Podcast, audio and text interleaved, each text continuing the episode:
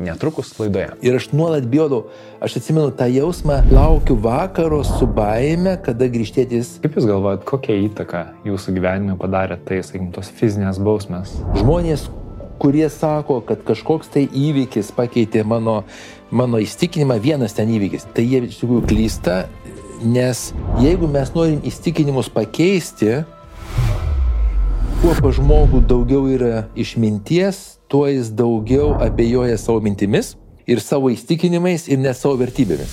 Žmonės padaro baisiausius dalykus, baisiausius dalykus dėl savo vertybių. Nes pagal stiprumo lygį mintis yra skirstomos į tris grupės. Man vertybė yra sažiningumas. Karts nuo karto vis pasielgiu mano akimis nesažiningai paskui save greužiu dėl to. Kaip spręsti tokius vertybinius konfliktus? Nėra jokio vertybinio konflikto. Ir čia būtent slypi narcisizmo, narcisizmo šaknis. Jie turi pažeistą arba neužaugintą savivertę. Ar aš teisingai išgirdau pačioj pradžioj pokalbio, kad su būtent tuo, sakykime, narcisizmu ir jums teko susidurti? E, taip. Koks būtų tiesiausias kelias, kaip, e, su, nežinau, susigražinti savivertę? Aš manau, kad šitas terminas iš principo yra neteisingas. Gal aš palaikysiu klausimą, vad sakėt, turit savo nuomonę, ką reiškia pradėti iš naujo. Nes mes niekaip negalim pradėti iš naujo, mhm. bet mes galim. Tokia nežinomybės baime. Kaip išmokti primti nežinomybę? Labas, pagaliau tai įvyko. Šio pokalbio laukiau labiau nei savo gimtadienio. Jo laukia ir PIN bendruomenė. Gavome gausybę prašymų į laidą pakviesti medicinos mokslų daktarą, gydytoją neurologą ir gydytoją psichoterapeutą, Lietuvos kognityvinės ir elgesio terapijos prezidentą, Lietuvos įsisamonimų gristos psichologijos asociacijos prezidentą Julių Neverauską. Sunku nusakyti žodžiais, kokią didžiulę prasme matau šiame pokalbėje. Tai buvo vienas tų atvejų, kai sunkiai tilpame į dvi valandas, todėl liko daugybė, kaip niekad svarbių, bet neužduotų klausimų. Dalį jų nukelime į Contribui Special rubriką, kuri prieinama PIN remėjams. Jeigu pajusi, kad norisi dar, remėjų tapti kviečiu ir tave. Visas papildomas naudas rasi contribui.com pasviras brūkšnelis PIN. Esu šimtų procentų tikras, kad šis pokalbis palies kiekvieną klausantį. Laida persmelta ne tik auginančiomis mintimis, bet ir konkrečiais patarimais, kurie gali paskatinti keisti savo gyvenimą. Leidomės į tokias temas kaip elgesio modeliavimo gale, išminties pauzė, atsparumas patyčiams, pasitikėjimas savimi ir savivertės paieškos, vaikystės traumų gydimas, kaip išdrysti keisti profesiją, visko tiek daug ir tiek svarbaus kiekvienam iš mūsų. Prieš leidžiantis gilin, negaliu praleisti progos pasakyti ačiū audiotekai, mūsų pagrindiniam remėjui. Jeigu dar tik svarstai išbandyti šį knygų formatą, kviečiu prisijungti prie Facebook grupės Lietuviškos audio knygos. Joje rasi ne tik rekomendacijas, ką klausyti, bet ir kitų žmonių patirtis su knygomis audio formatu. O dabar keliamės į neįlinį pokalbį su Juliumi Neverausku. Aš esu Aurimas Mikalauskas ir čia laida Pradėk iš naujo.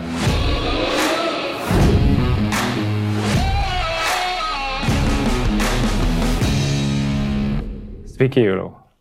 Labai labai džiaugiuosi, kad jūs atėjote į šią laidą ir prisipažinsiu, kad iš mūsų auditorijos labai daug buvo prašymų jūs pasikviesti į šią laidą. E, ir, ir dėl ko, manau, viena iš priežasčių yra dėl to, kad ta pati auditorija, kuri žiūri piną, jie turi daug klausimų ir manau, kad jūs galite su tais klausimais pagelbėti. Aš iš tikrųjų turiu krūvą klausimų, nemanau, kad mes visus juos spėsim aptarti, bet e, pasikalbėkim ir aš norėčiau pradėti nuo ne, gal tiesiai, sakykime, keliausiu į psichoterapiją ir noriu paklausti, ką jums asmeniškai gyvenime reiškia psichoterapija? Kodėl apskritai va, ta tema jums tokia svarbi jūsų gyvenime? Dėkui labai, kad pakvietėt, kad pakvietėt ir kad aš patiems žmonėm, kurie prašė ir kurie norėjo, aš galiu kažką tai atsakyti ir pasakyti, kaip aš suprantu, ši laida yra daugiau apie tokius asmeniškus dalykus. Mhm. Aš kalbu daugiausiai viešus dalykus, kalbu apie tai, kaip, kaip reikia gydytis, kaip reikia sveikti, kaip galbūt net ir gyventi, kad jaustis geriau. O čia aš kaip suprantu, mes šnekėsim apie mano asmenį šiek tiek daugiau ir per mano asmenį mes išreiškim tas, nu, savo poziciją aš galėsiu išreikšti. Tai mm. kalbant apie psichoterapiją, Jeigu man tai yra, tai yra ir, ir mano profesija, ir mano įrankis, ir man labai didelė pagalba.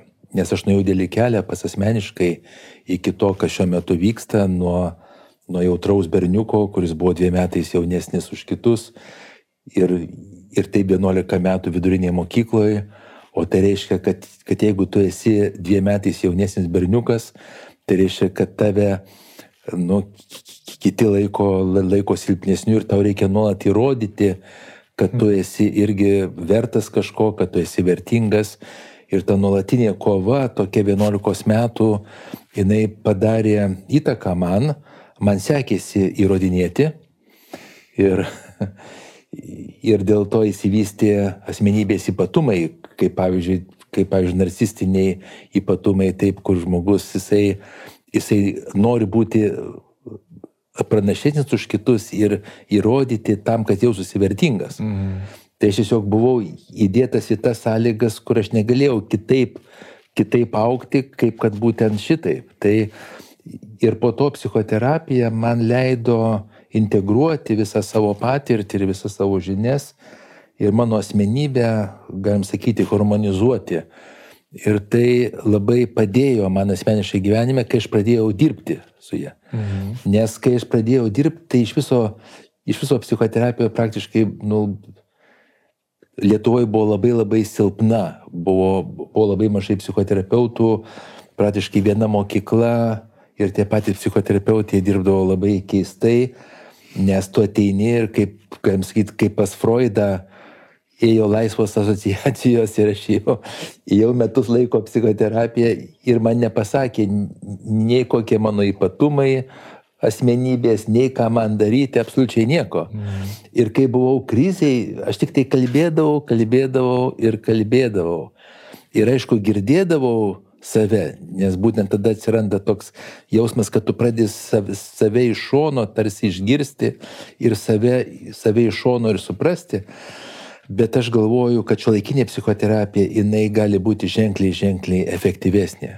Bent jau mano pastangos yra tam, kad, nežinau, kad dešimt kartų mes pagreitintumėm procesą, taip, ir kad efektyvumą ir produktyvumą. Tai, tai kaip man asmeniškai priemonė man aukti ir mano asmenybėje harmonizuoti ir dėl to patirti didesnę uh, pilnatvės jausmą, laimės jausmą, ryšio jausmą su savim, su, su, su kitais žmonėmis ir savo gyvenimu.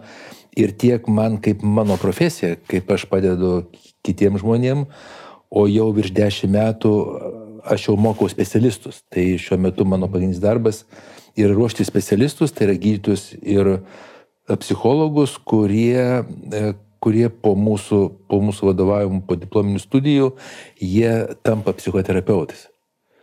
Tai, mm. tai dabar, bet jeigu mes kalbam apie, apie šitą sritį, tai yra pati geriausia profesija pasaulyje, aš tą sakau ir su šypsena, ir be jos, dėl to, kad tu dirbi, padedi žmonėm, padedi savo, nes tu padėdama žmonėm visada padedi savo. Visada. Absoliučiai. Kodėl? E, padedi savo, savo dėl to, kad reflektuoji, tu sipažįsti su įvairiausiom situacijom, į kurias žmonės patenka ir tu, kai tu svarstai, kaip padėti jiem, tu tarsi pasiruoši, kaip padėti savo. Mhm. Bet čia yra vienas niuansas, e, kur paslysta pradedantis psichoterapeutai arba blogai paruošti psichoterapeutai. Jie pradeda gydyti savo klientų sąskaitą. Tai čia yra labai, labai blogas dalykas ir esu matęs klientų, kurie ateina pas mane sako, žinot, ėjau pas psichoterapeutą ir man po kažkiek laiko pasidarė neaišku, ar, ar aš čia klientas, ar jisai klientas. Nes tas psichoterapeutas įeina į regresą, jam aktyvuojasi kažkokios schemos, kurios visą laiką vyksta psichoterapiniam procese, visą laiką. Mhm. Bet skirtumas yra tas, kad vieni, vieni žmonės, specialistai, jie yra pasiruošę tam, kad aktyvuotųsi, žino, kad jūs aktyvuojasi ir žino, kaip veikti kai, taip atsitinka, o kiti tiesiog pradeda nu, plaukti neaišku kur ir neaišku kaip, tai, tai tada, jau, tada jau blogai. Tai kalbant apie, apie šią sritį, mokslo sritį, praktikos sritį, galim sakyti, medicinos ir psichologijos sritį, tai yra, tai yra labai labai reikalinga profesija ir jinai visą laiką bus reikalinga. Ir dar vienas dalykas, dėl ko aš linkiu ir savo vaikam, aš visai norėčiau, nes mano dukros padaruošėsi studijuoti medicinai, visai norėčiau, kad jos supažintų su šitas rytim, už tai, kad žmogus jisai praktiškai nekinta. Nuo antikos laikų, jeigu imsim mes antikos filosofiją, tai šiuolaikinė psichoterapija, ji labai remiasi antikos filosofija. Mhm. Ir stoikai, ir kiti visi, ir tenais, ir, ir, ir Seneka, ir Markas Aurelijus, ir, ir, ir daug, daug kitų autorių. Ir, absoliučiai žmogus yra praktiškai toks pat, nežiūrint mūsų vadinamo progreso, dar visiškai neaišku, kas tas progresas yra, nes čia labai didelis klaustukas, mūsų vadinamo techninio progreso, galim mm. taip sakyti, e, žmogaus esmė yra ta pati. Ir dėl to, bet jeigu mes mokomės, nežinau, kažkokio tai kito mokslo, darysim, kokio, kokio ten fizikos arba technikos arba dar, ta, tas mūsų mokslas nuolat yra atsinaujinamas, nuolat, bet jeigu tu praleidai keletą metų, jau, re, jau realiai praleidai daug. Ypatingai, kas mokosi medicinos bendros. Mm. Nes aš baigiau medicinos universitetą prieš 40 metų, lygiai šiais metais 40 metų. Tai man liko žinių turbūt 20 procentų, tai jau čia labai labai optimistiškai. Tiek naudingų, ar ne? Tiek naudingų iš to, ką aš mokiausi. Gal 10 procentų, gal 15 procentų. Praktiškai, praktiškai liko anatomija ir fiziologija. Visa kita iš esmės pasikeitė.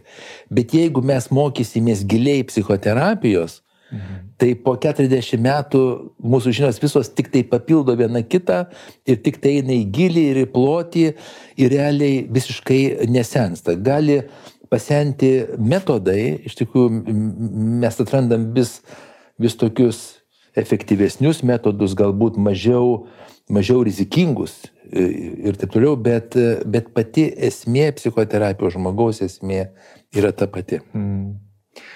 Gerai, e, iki psichoterapijos mes tada, manau, dar ateisim, nes aš tikrai ir apie kognityvinę elgesio terapiją norėsiu, norėsiu paklausti. Bet tada man norisi šiek tiek grįžti, vat, apie ką jūs pradėjot pasakoti, truputėlį, kad mokykloje buvo jaunesnis už kitus dviem metais, ar ne? Aš kaip Taip. suprantu, jūs į, tiesiog, kad pagal amžių, ar ne, buvot jaunesnis. Ir aš, mhm. va, tiesiog man įdomu, uh, pasakojant tą istoriją, kaip jūs iš tikrųjų vis tiek atėjo geriausiai iki psichoterapijos, dar prisimenant tuos mokyklinius laikus. Mhm. Aš buvau gabus vaikas, labai gabus vaikas, galim sakyti, išmokau e, keturių metų rašytis, rašyti, skaityti dviem kalbom ir taip toliau. Ir e, tėvai man nusprendė, kaip su manimi elgtis, nes kai buvau šešių metų, aš praktiškai, praktiškai daug, daug mokėjau daugiau visko negu mano bendramžiai. Mhm. Ir pasiūlė kažkokie tai specialistai, kad jį reikia leisti į mokyklą.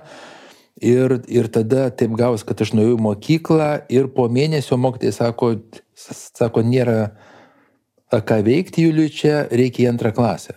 Ir taip gavosi, kad šešių metų į antrą klasę, bet tuo metu, tuo metu visi vaikai eidavo septynių metų į, į pirmą klasę. Ir mane išvežė į kaimą, į kaimą šeima mano tam, kad mane tenais kaimo mokykloje priimtų į mokyklą. Ir aš ten baigiau, baigiau per vienus metus dvi klases ir po to įdomus dalykas, aš vasarą grįžau į savo darželio grupę po dviejų klasių. Ir buvo labai įdomu stebėti su, su mano vaikais, man septyni metai ir jiems septyni metai. Mm. Jie eis į pirmą klasę, aš eisiu į trečią klasę ir aš atsimenu, visi vaikai gavo dovanas, pirmokui buvo kažkokia tai dovana, o aš gavau jau knygą, tokią, tokią rimtą knygą.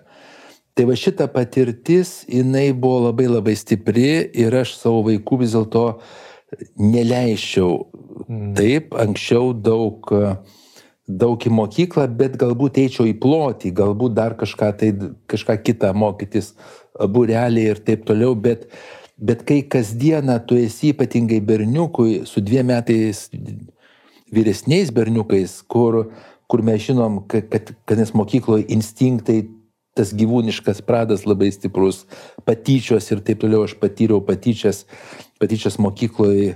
Tai, e, tai va, labai dėlis krūvis. Ir laimė pas mane, pas mane buvo biologija labai stipri. Ir aš atsilaikiau prieš tai, su traumom, aišku, su viskuo, bet atsilaikiau ir tai mane sustiprino. Bet kitas berniukas šitoje vietoje palūžęs galbūt. Mm. Tai, tai mūsų likimą lemia daug labai faktorių, bet vienas iš faktorių yra mūsų biologinis atsparumas. Ir, ir, ir jeigu mes biologiškai atsparus esam, mes ir tada iššūkiuose psichologiniuose galim daug lengviau sutvarkyti. Ką reiškia biologinis atsparumas?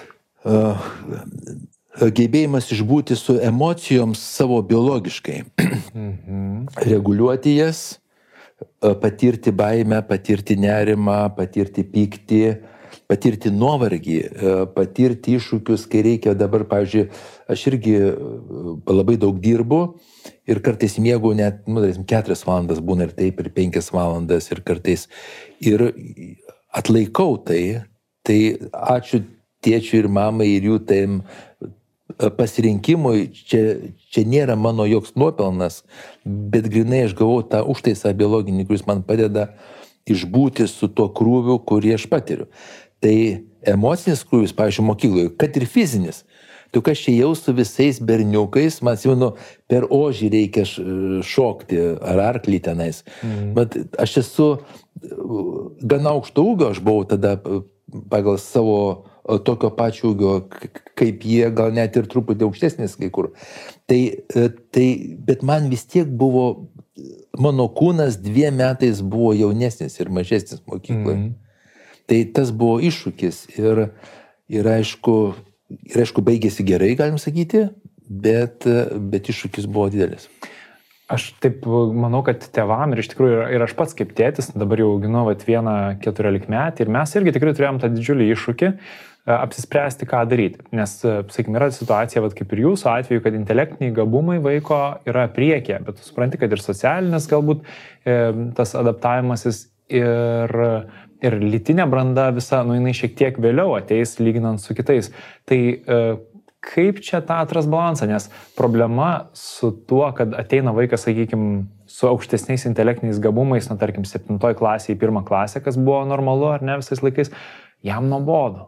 Jis tarsi daro visą tai, ką ir kiti daro, bet, e, bet jam nėra iššūkį ir jisai užsinobodžiavęs, nu pradeda kitais dalykais užsiminėti. Mm kaip va šitoj vietoj atrasti tą tokį kažkokį atsakymą tevam, kuriem, nu gerai, vesim, palauksim, vesim truputėlį vėliau, nors intelektualiai jisai tikrai gebėtų į aukštesnę klasę eiti. Mhm.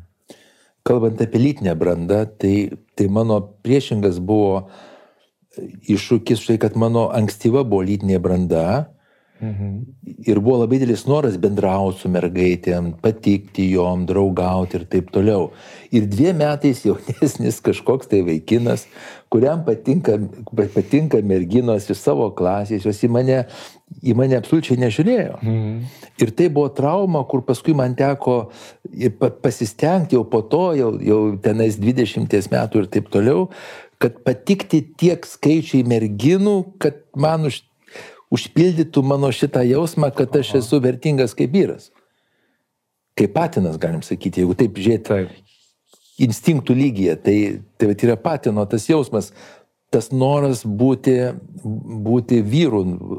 Pripažintam kad, kaip vyru. Jo, ja. pripažintų, kad, kad tavo trokštam lytis pripažintų tave kaip potencialų partnerį. Mhm.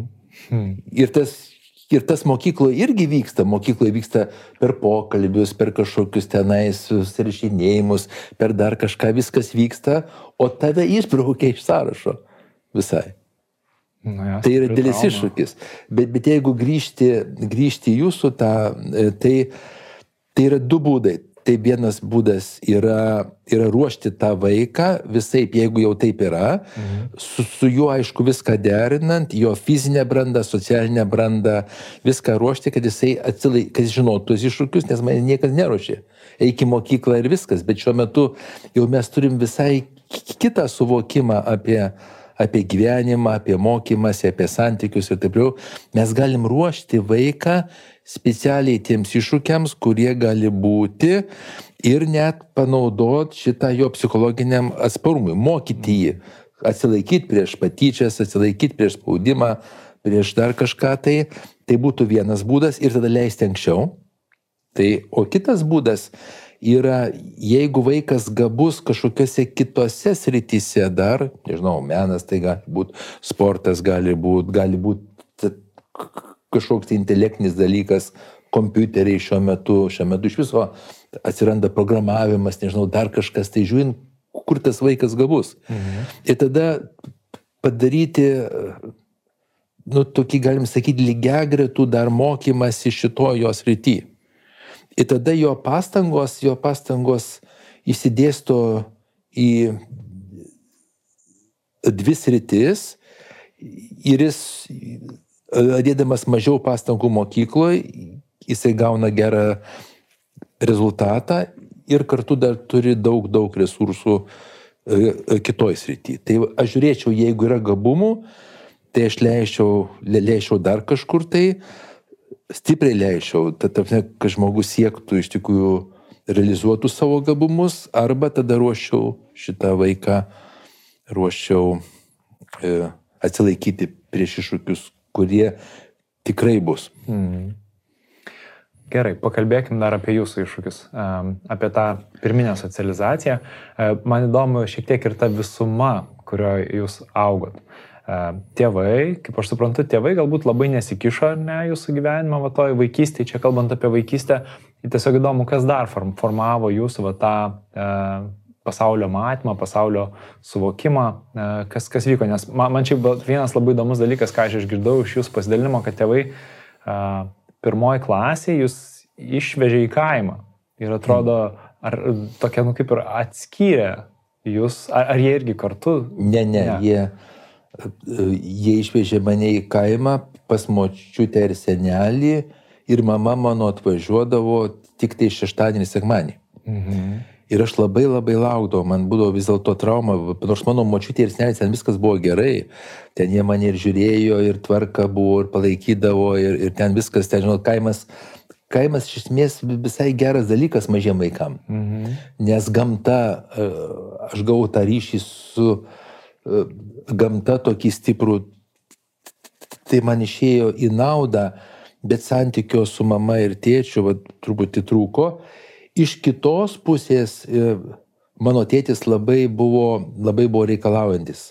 Abu du jie buvo besistengianti žmonės į gyvenimą, kaip žinot, toks yra liaudiškas posakis, bet, bet mano tėtis, jisai, jisai, jisai labai reikalavo, manim labai pasitikėjo, bet tipo čia, čia jo sūnus labai gabus, dar yra dvi dukros už mane jaunesnės, mano seserys, bet man buvo, man buvo reikalavimai dėli, lūkesčiai labai aukšti ir buvo auklėjimo procese naudojamos bausmės.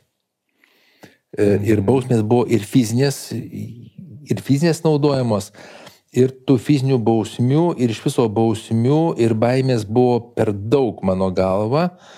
Ir man reikėdavo, tada va tie metai tam kaime, galbūt truputį atsitraukimas buvo nuo, tų, nuo to tėčio, nes jis važiuodavo rečiau, Ir, ir aš važiuodavau rečiau ir kažkaip toksai, e, aš augau šitos metus palankesniai truputį terpiai, kur mažai buvo to tokio grėsmės. Nes mano tėtis šiaip buvo, šiaip buvo grėsmingas žmogus gana. Mane mylėjo, bet čia aš labai aiškiai jaučiau simylimas. Taip, bet ta meilė, jinai savo savotiškai realizavosi per, per labai aukštus reikalavimus mm. ir dar su grėsme.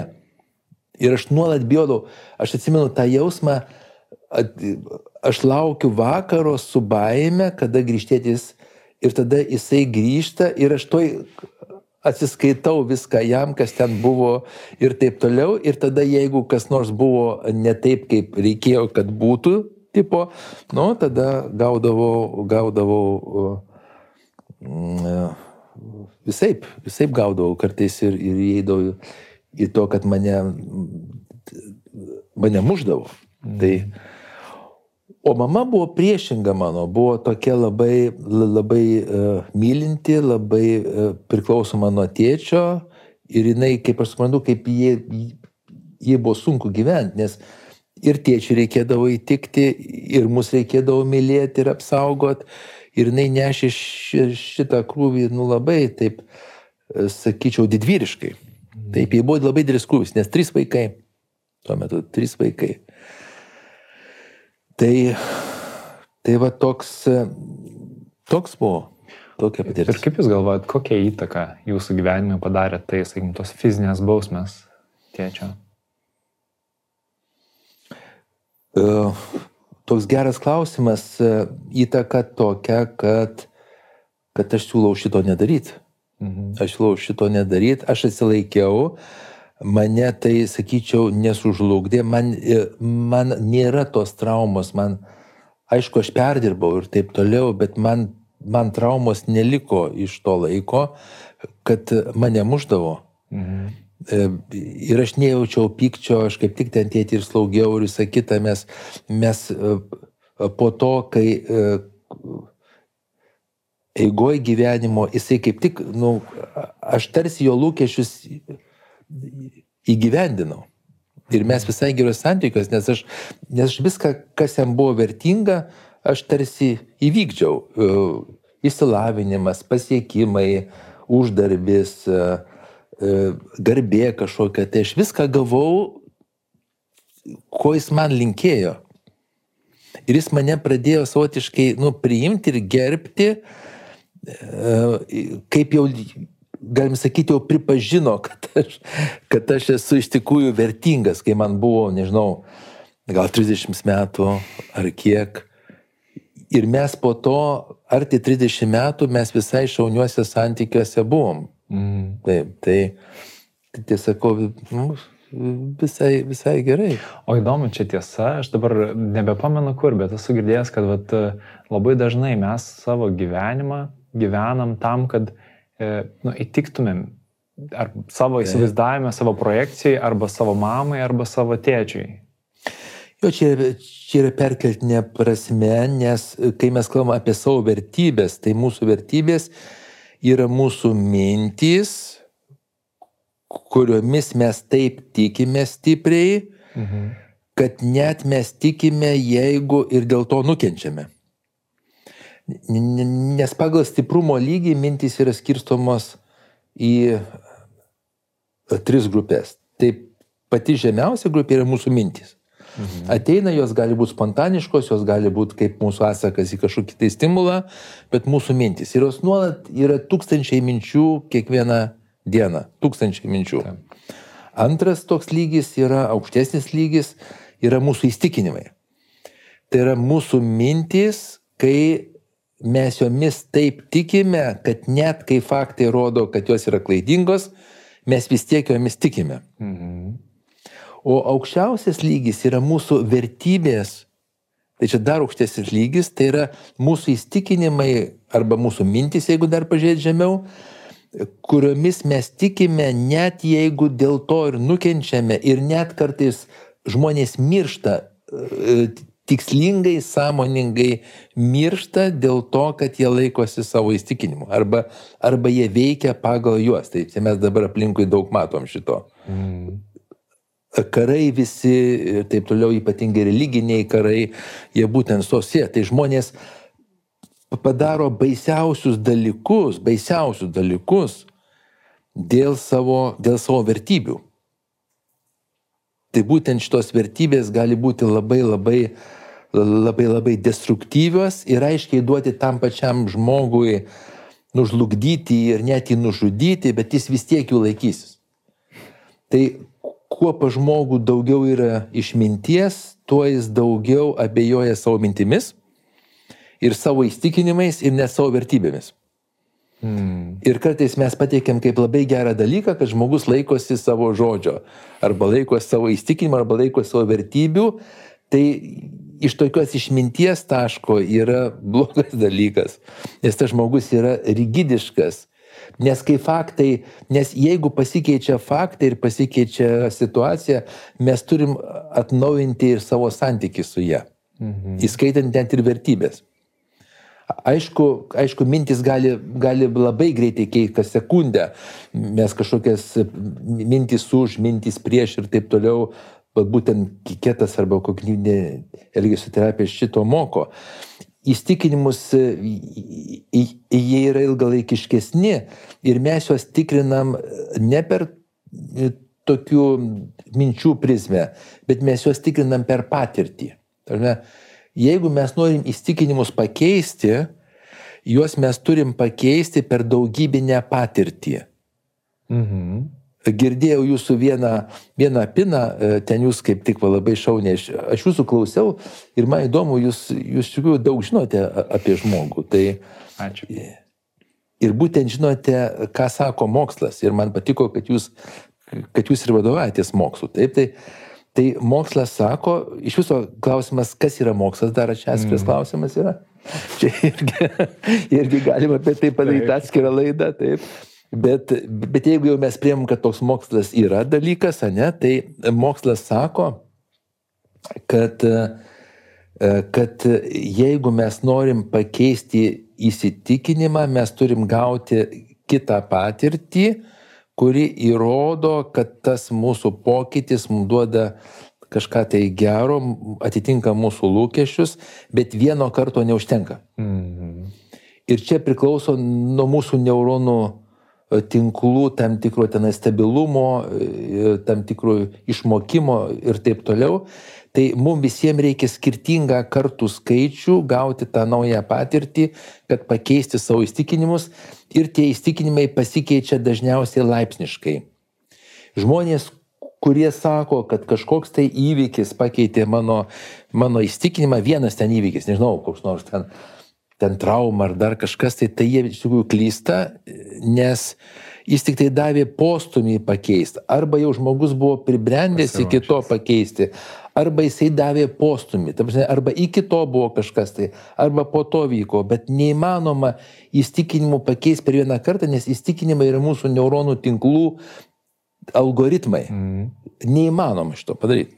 Ar, ar daro pokytį, bet kaip čia pasakyti, ar daro pokytį pokyčio tempui emocinis fonas? Nes esu girdėjęs, kad... Labai. Jo, labai, labai daro kuo daugiau emocinio fono, ir jisai stipresnis, tuo mūsų patirtis įsimenamos stipriau. Mhm. Ir tas įsiminimas jisai keičia būtent tada e, pačias patirtis ir įstikinimą. Mhm. Gerai, tai jūs papasakot šiek tiek apie uh, nuostatas, įsitikinimus, kaip jos keičiasi ir kad tam reikia daug pakartojimų ir tada yra vertybės. Kaip yra su vertybėm? Vertybės yra tai, yra įstikinimai, į kuriuos žmonės įtraukia dar savo dvasingumą. Mhm. O mūsų dvasingumas yra tai, kas yra daugiau negu mes. Tai yra mūsų dvasingumas, yra mūsų siekis turėti santyki su tuo ir mūsų santyki su tuo, kas yra daugiau negu mes. Ir tai nėra vien tik tai religinis kažkoks ten dievas ar dar kažkas, tai gali būti e, gali būti gamta, gali būti savo savastis, gali būti menas, gali būti kažkas tai, kas yra daugiau negu mes. Tai būtent vertybės yra, kai žmonės inkorporuoja tai savo įstikinimus ir jie linkia pa, pasiaukoti, net ir paukoti kažką tai savo reikšmingus dalykus dėl to, kas yra daugiau negu mes. Mhm. Tai būtent čia, čia atsiranda vertybės. Kaip, kaip jos formuojasi? Lengva paukoti, nesutinkat, nes jeigu, mhm. nes jeigu kažkas yra daugiau negu aš, tai aš galiu nueiti numirti dėl to, kad kad pastiprinti mhm. tai, kas yra daugiau negu aš. Mhm. Skamba logiškai. Kaip, kaip susiformuoja vertybės mūsų gyvenime? Jos, jos praktiškai susiformuoja per to, ko mūsų žmonės moko, O mes mokomės ne tik tai žodžių ir visų pirma nei žodžių. Viską, ką mes gauname, mes išmokstam. Viską. Mhm. Ką mes, įskaitant vaikščioti, įskaitant kalbėti, įskaitant visus dalykus, mes išmokstam. O ką tai reiškia mes išmokstam? Tai reiškia, kad mūsų neuronų tinkluose įvyksta pokytis, tam tikri ryšiai ir pasidaro tam tikras algoritmas arba tam tikras veikimo mechanizmas. Tada mes išmokstam daryti. Tai, tai kai mus kažko tai moko, pavyzdžiui, per pavyzdį, ne, bet jeigu, jeigu, jeigu mes gyvenam religingoje šeimoje ir yra kalbama apie Dievą, ten melžiamasi kažkoks, ir tas mes matom, kad tai veikia tuo metu, tai mhm. padeda, o tai gali net labai veikti, tai, tai tada, tada mes galim įgauti religinį, vertybės religinės. Bet jeigu mes matom, kad mūsų tėtis eina į bažnyčią, bet paskui daro kitus dalykus visai priešingus ir taip toliau, tai mes galim labai nemėgti, nemėgti religijos. Ne? Mm. Bet čia labai svarbu, kad tuo metu, kai mūsų vertybės formuojasi, kad būtų viskas veiktų sinchroniškai, kad mes matytumėm, kad ta patirtis, kurios mes mokomės per modelius, e, mūsų smegenys pritaikytos mokytis ne iš žodžių, bet iš elgesio vadinamo modeliavimo. Paskui tik atsirado žodžiai, bet pradžioj žodžių nebuvo. Mhm.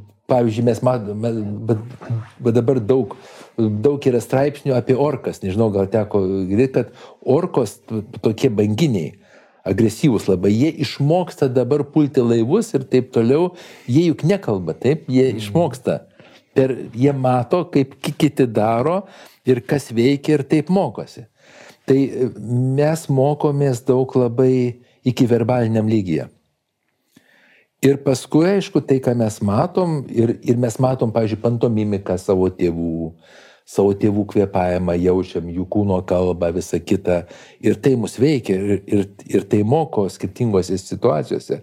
O paskui, ką jie dar sako, ir jeigu tai, ką jie sako, sinchronizuojasi su tuo, ką jie daro ir kaip jie jaučiasi ir taip toliau, tai po truputį ir, ir kas dar turi to e, aspekto daugiau negu aš, tampa mūsų vertybėmis. Mhm. Gerai, nuo vertybių aš noriu dar šiek tiek nepabėgti. Man atrodo, labai dažnas reiškinys gyvenime žmonių yra tas vadinamas vertybinis konfliktas. Pateiksiu mhm. pavyzdį. Tarkim, man vertybė yra sažiningumas, bet aš karts nuo karto vis pasielgiu mano akimis nesažiningai ir paskui save greužiu dėl to. Kaip spręsti tokius vat, vertybinius konfliktus? nėra jokio vertybinio konflikto. Už tai, kad, bet aš duodu šitą testą savo mokiniams, dėsim, sakau, ka, kam iš jūsų vertybė yra sveikata. Ir pakelia praktiškai visi ranką. Mhm. Dabar klausiu, kas iš jūsų e, teisingai valgo, kad, e, kad būtumėte sveiki, e, teisingai miega, atsisako ten kažkokiu tai kažkokių cheminių medžiagų, kurios, kurios kenkia sveikatai ir praktiškai, praktiškai pakelia vienas ranką. Tai jeigu, jeigu jūs sakote, kad jum vertybė yra sveikata, bet darote priešingai, tai jum nėra sveikata vertybė, o yra vertybė jūsų greitas pastenkinimas arba dar kažkas mhm. ir taip toliau. Jūs tik tai norite, kad kad jums vertybė būtų sveikata. Tai yra labai didelis skirtumas. Aha. Ar aš noriu būti, nežinau, kažkokiu muzikantu labai garsiu, ar aš siekiu būti muzikantu labai garsiu. Tai va čia va, toks konfliktas gali būti. Aš labai noriu būti rašytoju, bet nesu parašęs puslapio. Nu, tai, mhm. tai čia nėra jokio konflikto. Nu, nu taip, bet iš tikrųjų vertybė, intelektualiai kaip ir man tai yra tarsi. Čia yra toksai būtišnis, čia yra toksai, nu, būtyje vartojamas ir net kartais sociume vartojamas terminas, kuris iš tikrųjų yra neteisingas, kaip ir daug labai terminų. Mhm. Kaip ir daug labai terminų. Tai nes, nes vertybė yra tai, už ką mes galim, nu kas, kas yra mums daug svarbiau negu kiti dalykai. Taip, tai jeigu man vertybė yra sveikata, dalėsim, arba vertybė bus, bus sažiningumas. Tai tuo, tuo aš radęs piniginę arba, arba portfelį su milijonu eurų aš nunešiu ir atiduosiu ir mes žinom, kad tai vyksta. Mhm. Mes žinom, kad tai vyksta. Ir atiduoda. Atiduoda ir eina dėlės sumos, ten rado kažkur taksi arba dar kažkur atiduoda. Tai va, tiem žmonėm vertybė yra sažiningumas. Bet jeigu aš sakau, kad vertybė sažiningumas, bet, bet slepiu mokesčius, pavyzdžiui, ne, arba dar kažką, tai tada, tada iš tikrųjų vertybė man nėra sažiningumas. Tai ir šitoj vietoje man sunku, nu, šitoj vietoje aš matau tik tai mhm. taip. Bet aš norėčiau tada grįžti prie jūsų ankstesnio pavyzdžio su sveikata. E, yra tas noras, ar ne, nu, tarkim, mhm. aš norėčiau gyventi sveikai, bet negyvenu. Siekis. Taip, jo, siekis. E, ką, ką man tada daryti, jeigu, nes vis tiek, kaip aš tą turiu tai tarsi paversti vertybę, kaip man tapti tokiu žmogum, kuris gyvena sveikai, o ne tik tai sako, kad man sveikata yra vertybė. Pripažinti, kad tai yra siekis. Ir jeigu tai yra siekis, tai mes einam į tai, kaip aš mėgstu sakyti, su permaininga sėkme. Ir mes kartais ir nusižengiam ir taip toliau, bet tai yra mano kryptis arba siekis. Mhm. Ir jeigu aš eisiu šitą kryptim, gali būti, kad kažkada tai taps vertybė, o vertybė taps, kai aš jau nenusižengsiu. Kas liečia sveikatą, gana sunku, sunku taip, mhm. taip elgtis, bet yra žmonių, kur taip daro. Ir aš pats žinau, yra žmonių, kurie, va, aš nekėjau su vienu, darysim, šimtamečiu, mečių, kuris pasakojo, e, kaip jisai valgo, darysim. Jisai, jis baigęs ten dvi klases ar kiek, manat, jisai jokių slaimo neturi, jokių, jokių, jokių nėra klausęs, jokių seminarų apie sveiką valgį ir jokių knygų, knygų nėra skaitęs. Jis sako, aš visada, aš visada valgau sąmoningai, lietai, ten kitą žodį panaudoju, tas sąmoningai. Mhm. Irgi, ir aš atsikeliu, bet aš labai gerai iš tas, aš atsikeliu, kai dar man lieka vienas kasnis iki sotumo. Mm. Ir, aš, ir aš metu valgyti ir nustoju valgyti. Tuo jisai tą suvokia, jisai jaučia, jo, jo viduje tas embodiment, reiškia, įkūnymas yra, yra tai. Mm. Tai vienas dalykas dar yra labai, mes labai mėgstam mėgti žodžiais ir kartais mes, mes žodį vertybė mes per dažnai naudojam. Nes vertybės yra, nu, kelios, jos, jų, jų, jų nėra daug. Tai, tai mes turim įsigryninti, jeigu taip norim, kas mums vertybė ir kartais tai yra sunku gana suprasti.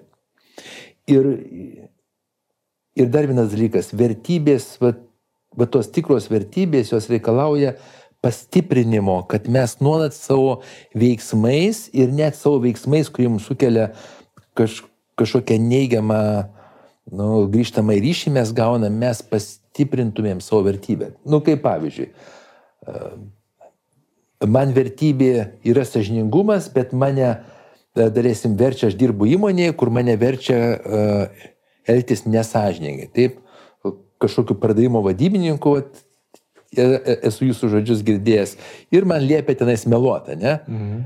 Ir aš atsisakau meluoti, atsisakau meluoti Ir jeigu mane taip verčia, kad jau ten kyla klausimas, ar dirbsi ar ne, aš išeinu iš darbo, nes man reikia meluoti. Mhm. Ir reiškia, atstovėjau savo vertybės. Jo, tai aš atstovėjau ir tas pastiprina mano vertybės. Aha. Tas būtent aš aiškiai laikiausi savo vertybės ir tas duoda, duoda mums pasitenkinimą, dopamino uh, ciklą visą ir tas, ir, ir tas pastiprina mūsų vertybių laikymą. Mm. Gerai. Gerai, grįžtam truputėlį dar į jūsų vaikystę. Ir kaip jūs iš tikrųjų atėjot iki psichoterapijos?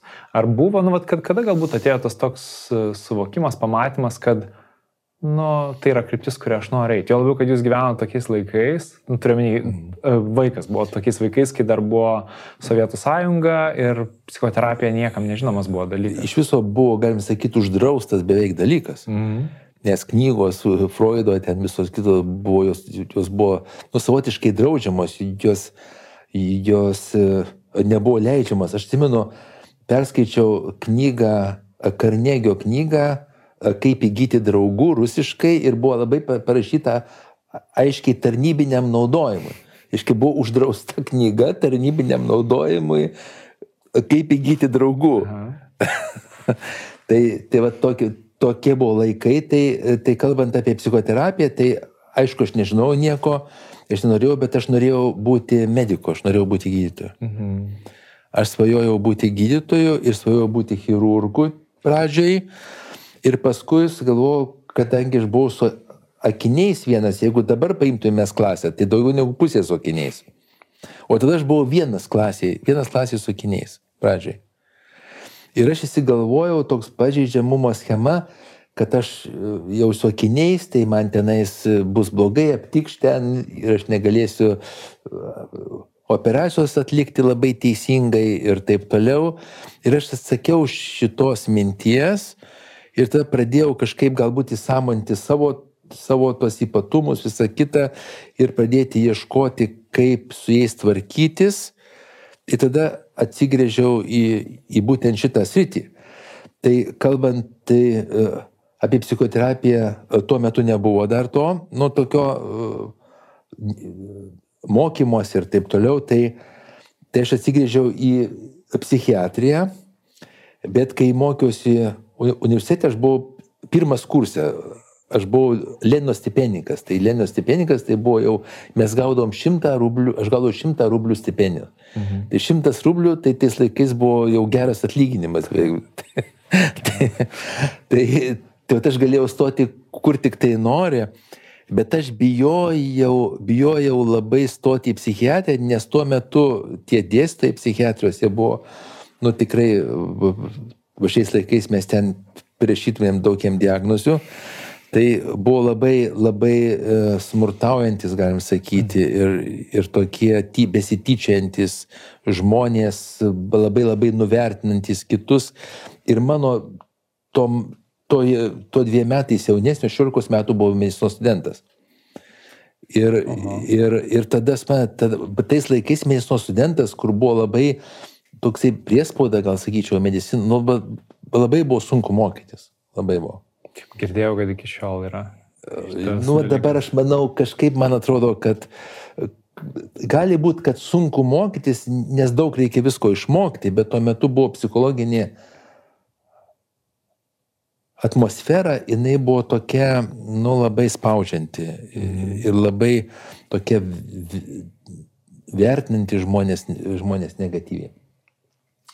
Ir aš bijojau, išsigandau aš to, kad, kad man dabar reikės tai žmonėm čia būti, jiem paklusti ir taip toliau. Ir dar buvo vienas toksai trūkumas, nes tuo metu psichiatrija buvo ligonių psichiatrija, nebuvo praktiškai ambulatorinės tokios psichiatrijos, kaip šiuo metu būdu, arba tu dirbi psichiatrijai ligonė su labai, nu jau... Sunkiais atvejais. Taip, jau sunkiais atvejais, arba uh, nesi psichiatras. Tai va tas, va tas nesi psichiatras, neurologas buvo specialybė. Mhm. Ir pasirinkau neurologiją, nes tuo metu, tuo metu neurologai dirbo su lengvais atvejais visais. Ir aš pradėjau iš to srity dirbti ir pradėjau daryti mokslinius tyrimus, bet pradėjau daryti mokslinį darbą su, su, e, su, su būtent psichosomatiniais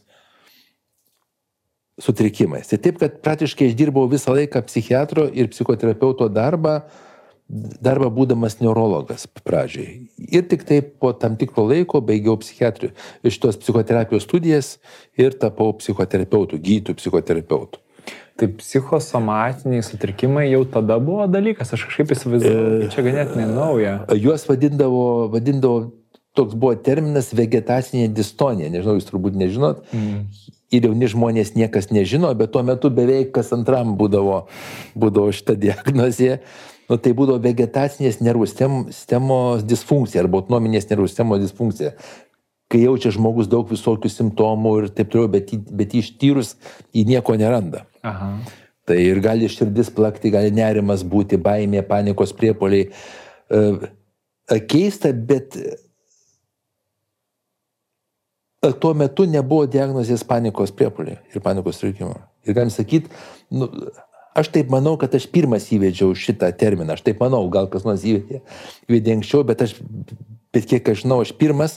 Ir kai mes pa, pa, pa, parašiau straipsnį apie, apie panikos priepolius, pirmą kartą aš jau dirbau privačiai, 92 gal metai buvo ar kurie.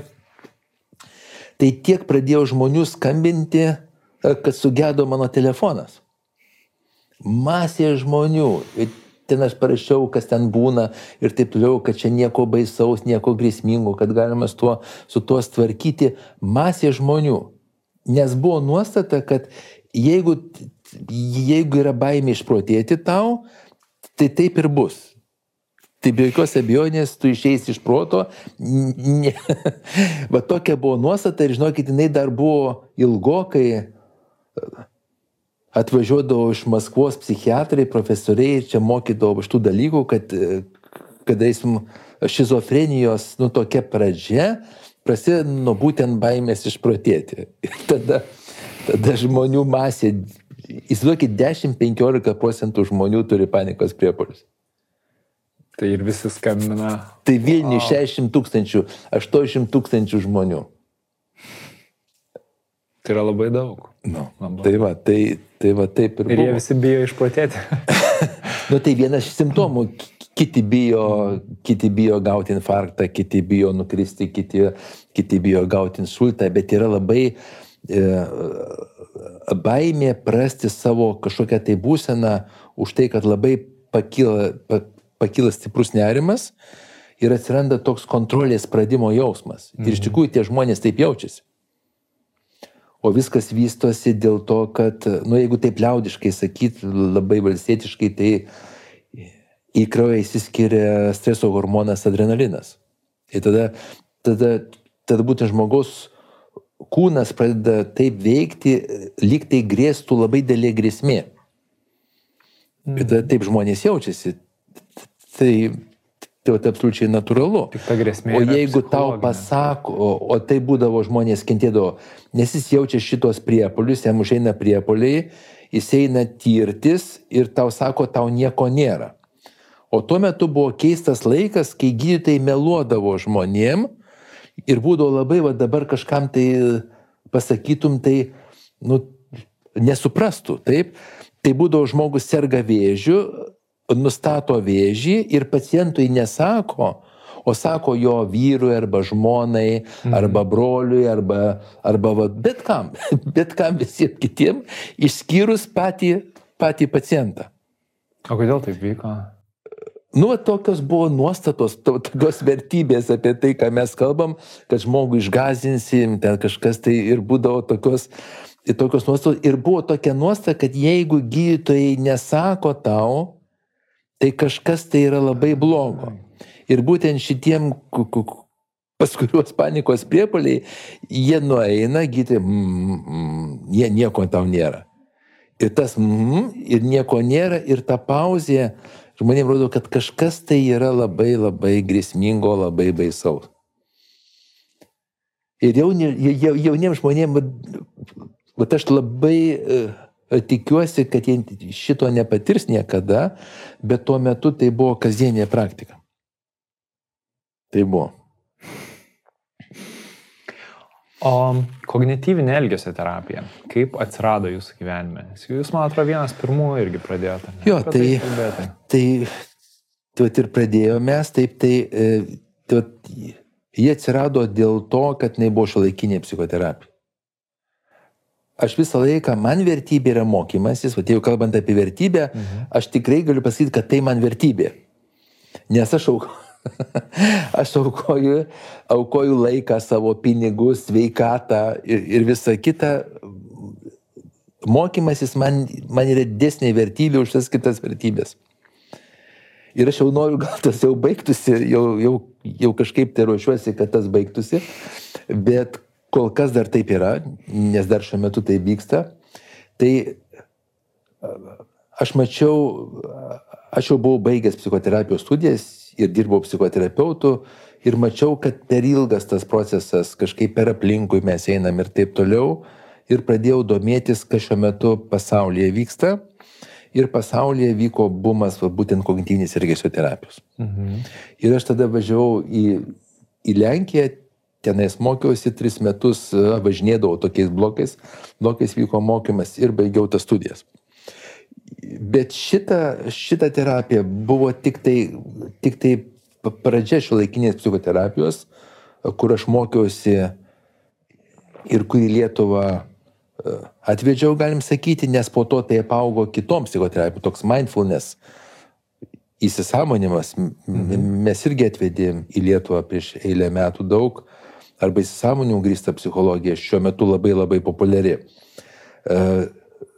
Paskui schemų terapija, dialektinė elgesio terapija, prieimimo įsipareigojimo grįsta terapija, daug, daug visokių terapijų, kurios, kurias apibendrinant galim vadinti šio laikinė moksliniais tyrimais grįsta psichoterapija. KET, kognityvinė elgesio terapija, ko, kokia yra pagrindinė nu, ta tezė, apie ką iš tikrųjų tai yra? Yra apie tai, kad, kad mūsų gyvenimą lemia ne įvykiai, bet mūsų santykius tais įvykiais. Ir čia jau graikai už tą sakė, prieš 2000 metų daugiau, taip, ir tas yra žinoma, bet iki š... paskui buvo užmiršta. Įdomu yra, kad senovės graikų mokslas buvo užmirštas, užmirštas 2000 metų beveik taip. Tai tvirtinai apie tai yra ir kad tos mūsų mintys lemia mūsų emocijas, mintys ir emocijos lemia mūsų kūno pojūčius, mintys, emocijos ir kūno pojūčiai lemia mūsų impulsus veikti. Ir tada mes veikiam, kai atsiranda mintys, emocijos, kūno pojūčiai ir impulsai veikti, mes priklausomai nuo mūsų išminties, mes po pauzės arba be jos e, pradam veikti. Ir tas mūsų veikimas, elgesys, jisai duoda mūsų mum pasiekmes ir tos pasiekmes tampa naujų stimulų. Ir tada į, į tas pasiekmes, į tą naują stimulą vėl atsiranda mūsų mintys ir vėl tos mintys mums sukelia emocijas, vėl kūno pojūčiai, vėl impulsai veikti ir vėl veikiame. Mhm. Ir iš esmės mes esam, mes esam, visi esam šitos grandinės gale, dabar mes esam. O tai, kad mes čia sėdim, tai, kad mes čia sėdim dviese. Ir jūs taip pat, ir aš, yra dėl to, kad buvo tūkstančiai ir dešimtis tūkstančių šitų ciklų. Kad buvo kažkoks tai stimulas, kuris sukėlė mums kažkokias tai mintis, tos mintis sukėlė emocijas, kūno pojūčius, impulsus veikti, tada mes apsisprendėm, kad veiksime taip. Ir čia atsiranda tarpas labai labai svarbus, kur jau, kur jau mindfulness technikos čia pradeda veikti, o ne klasikinė e, sketas. Tai, tai yra mes, kai, kai mus apima impulsas veikti, mes turim galimybę padaryti išminties pauzę. Ir išminties pauzėje mes galim atsisakyti automatizmo, automatinio veikimo, nes absoliuti dauguma žmonių, galim sakyti, visi žmonės tik tai skirtingą laiką veikia automatiškai. Mhm. Absoliučiai visi. Taip? Tai bet kai kurie žmonės kritiniais atvejais padaro išminties pauzes. Ir, ir būtent išminties pauzėje mes įsisamonam savo mintis, emocijas, stimulą, faktus, savo mintis, emocijas, kūno pojūčius, impulsus veikti, pripažįstam viską, labai svarbus komponentas - pripažinti viską, kad taip yra, atskirti faktus nuo savo nuomonės. Ir tada apmastyti, kokiegi dabar mano pasirinkimai gali būti. Ne vienas pasirinkimas, kaip daugumai žmonių atrodo. bet, bet visada mes turim daug daugiau pasirinkimų, negu mums atrodo. Visada. Visada. Jeigu man atrodo vienas, tai turim mažiausiai du, bet turim daug daugiau. Ir tada mes pagalvojam, o koksgi pasirinkimas duos mums kokias pasiekmes ir pradėti svarstyti apie savo pasirinkimus nuo norimų pasiekmių. Mhm. Ir tada planuoti savo veiksmus nuo norimų pasiekmių. Nedaug žmonių taip daro. Dauguma žmonių planuoja savo veiksmus nuo stimulų. nuo to, kaip dabar noriu daryti, ne? Noriu valgyti, noriu gerti ir, ir atlieku veiksmą. O reikės planuoti, o kas bus, jeigu aš gersiu, o kas bus, jeigu aš negersiu. Tai. Ja. Jo, labai įdomu, nes aš, pavyzdžiui, pas mane čia toks sėkingas galbūt pavyzdys, bet irgi prieš kiekvieną laidą aš turiu išlaikyti kokių trijų valandų pauzę, negerti kavos, nes aš žinau, kad jeigu aš gersiu kavos, aš čia lakstysiu paskui į taletą, tai irgi va, toks būna, nes impulsas yra pas mane daugmaž va tokiu metu, kaip mes dabar filmuojam, pasimti kavos ir gerti, taip, ne, aš negaliu to padaryti. Taip, taip. Bet grįžtant prie jūsų viso pateikto, pateiktos teorijos, aš iš tikrųjų noriu paimti labai konkretų pavyzdį, kurį jūs jau minėjot, ir panalizuoti gal jį šiek tiek netgi dviem aspektais. Viena vertus, su žmogumi, kuris yra šiuo metu toje situacijoje ir kaip jisai galėtų skirtingai, sakykime, pasirinkti. Ir kitas, e, kai žmogus jau tai išgyveno kažkada anksčiau, ar jis gali pakeisti iš dabartinės perspektyvos, sakykime, kaip jisai žiūri, kaip ir įprasmino tą įvykį. Ką jūs minėjote, tai yra patyčios. Tikrai labai daug žmonių yra išpatyrę patyčias, aš esu patyręs, jūs esate tai patyręs mokykloje. Ir Vat kas nutinka, ar ne? Žmogus išgyveno patyčias. Nežinau, kažkoks ten atėjo, vyresnis moksleivis, pasakė kažką, galbūt pastumė, gal sumušė. Ir vat kas vyksta tuo momentu, nes įvyko įvykis. Jo, tai e, kalbant apie patyčias e, ir vaikystėje, ir nevaikystėje, ir suaugusiam e, pasaulyje jų daug yra, tai iš abiejų pusių yra žmonės, kurie turi pažeistą arba neužaugintą savirtę. Mhm. Kalbant apie savirtę, tai aš noriu atskirti, čia dar aš turbūt vienintelis taip šneku, nežiūriu ir anglė kalbė literatūroje šito nėra, bet kažkaip aš labai aiškiai savo esu šitą pasakęs, kad mes turim atskirti savirtę nuo pasitikėjimo savimi. Ir kai mes kalbam apie savirtę, tai yra aišku žinojimas ir aiškus jautimasis, toksai įkūnytas žinojimas. Įkūnytas žinojimas, kad aš esu, esu pasaulinis brandas, vienintelis egzempliorius Žemėje, visatoje, per visą visatos istoriją. Ir niekada šito, šitokio žmogaus nebuvo, nėra ir niekada nebus, nes aš esu vienintelis ir dėl to aš esu besąlygiškai vertingas ir dėl to man iš principo nereikia kažkaip savo vertės įrodinėti, nes aš, jau, nes aš jau gimiau dėl to, kad esu vertingas.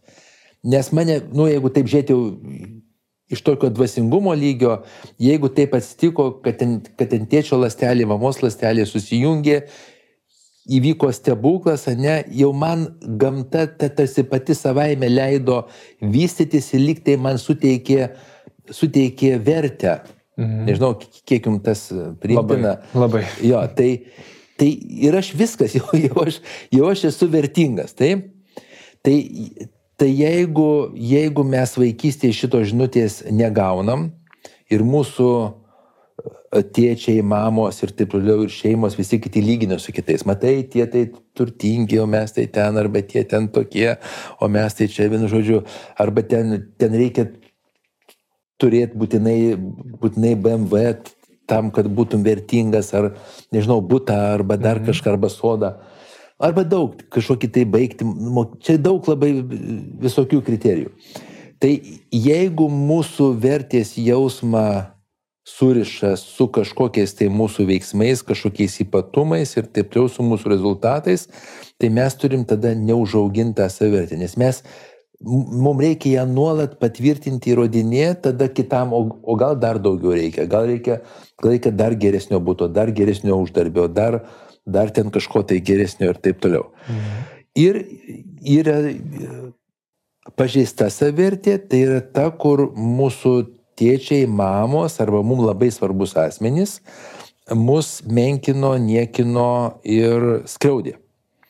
Ir pavyzdžiui, čia gali būti pas mane buvo keletas, keletas pacienčių, kurios kaip, kaip viena, jos pasakojo istoriją apie pradinę mokyklą, jos buvo pilnesnės, bet, bet tokios stambesnio kūno sudėjimo ir atėjo baleto ten mokytas arba šokių mokytoja ir kvietė vaikus į, į būrelį baleto arba šokių. Ir grįžo, ir grįžo susirašė į tą burelį, grįžo pas mamą ir sako, aš noriu, noriu į, į baletą ar šokius ir mane prieimė taip toliau. Ir mamos išrengė šitas mergaitės ir sakė, tu pažiūrėk į save, keulę ir taip toliau, koks tavo kūnas, ar tu balerina ir, ir visa mm. kita. Ir po to, ir, ir po to visas gyvenimas valgymo, valgymo sutrikimai, asmenybiniai ypatumai ir visa kita, visa kita. Tai, tai, yra, tai yra pažeista saviverta, kaip lygina su seserim, su broliu, o tu esi prastesnis, arba tu esi geresnis, čia irgi, čia irgi blogas dalykas. Tai, e, tai vad būtent šitie žmonės, jeigu mes grįžtam e, prie patyčių, iš abiejų pusių yra žmonės tokie patys su pažeista arba neužauginta savertė. Tik tai vieni, kurie tyčiojasi, hiperkompensuoja, tai jisai stengiasi padaryti, kad kitas žmogus jaustųsi praščiau ir tada jam pasidaro geriau ir jis tam kartui laikinai pajaučia, kad jisai daugiau vertingas, nes jis nuskriaudė kitą žmogų. O kitas žmogus, iš kurio tyčiojas, jisai pasiduoda šitai savirtiai ir jisai prieima, kad aš toks ir esu ir iš manęs tyčiojas ir aš nepasipriešinsiu ir taip toliau ir aš, nes toks aš esu. Mhm. Ir tai yra, kad iš manęs tyčiojasi, yra įrodymas, kad aš esu mažiau vertingas. Nes jeigu, ne, nes jeigu žmogus, pavyzdžiui, neturi šitos pažiūros ir iš jo bando tyčiotis, jis gali paimti bet ką, jisai kovos, kaip sakyti, iki galo ir jisai pasipriešins šitam. Mhm. Tai, jeigu, tai jeigu žmogus nepasipriešina, atsiklaupia ar nulenkia galvą perkeltinę prasme, jisai pripažįsta, kad jis mažiau vertingas už tą, kuris tyčiojasi, nors iš tikrųjų abu jie turi pažįstą savirtę arba neužaugintą. E, tiesiog dabar bandau įsivaizduoti per tą e, kognityvinės elgesio terapijos apibūdinimą, apie ką mes kalbėjom, ar apskritai kaip terapijos e, metodika vat, įvyko. Faktas, ar ne, žmogus vienas su pažįsta savivertę pasityčiojo iš kito, Ir, ir dabar nu, kaip vyksta tas įprasminimas šito įvykio. Ir man atrodo, tai yra labai svarbus momentas, kur tu gali, sakykime, įprasminti ir sakyti, nu taip aš, arba galbūt net nesamoningai tą padaryti, ne, neįprasminti ir tiesiog taip įvyko ir tavo savivertė toliau krenta, krenta, krenta, arba tu gali sustoti, na, tą padaryti ir, ir kažkaip perprasminti tą įvykį, kaip tas įvyko, suprasti galbūt, kad, kad, kad ta savivertė žema ir kažką su tuo daryti. Tai man įdomu, kaip po to ta visa seka, vat, kurią jūs minėjot, gali ir kokie gali skirtingi gyvenimai būti žmogaus, kuris tai perprasmina ir kuris ne. Su šituo dirba jau ne klasikinė kognityvinė elgesio terapija, bet būtent schemų terapija. Nes jeigu mes dirbam su su savo vaikystės patirtimis, ankstyvosiomis patirtimis ir savo įstikinimais jau yra schemų terapijos, schemų terapijos daugiau principas. Mhm.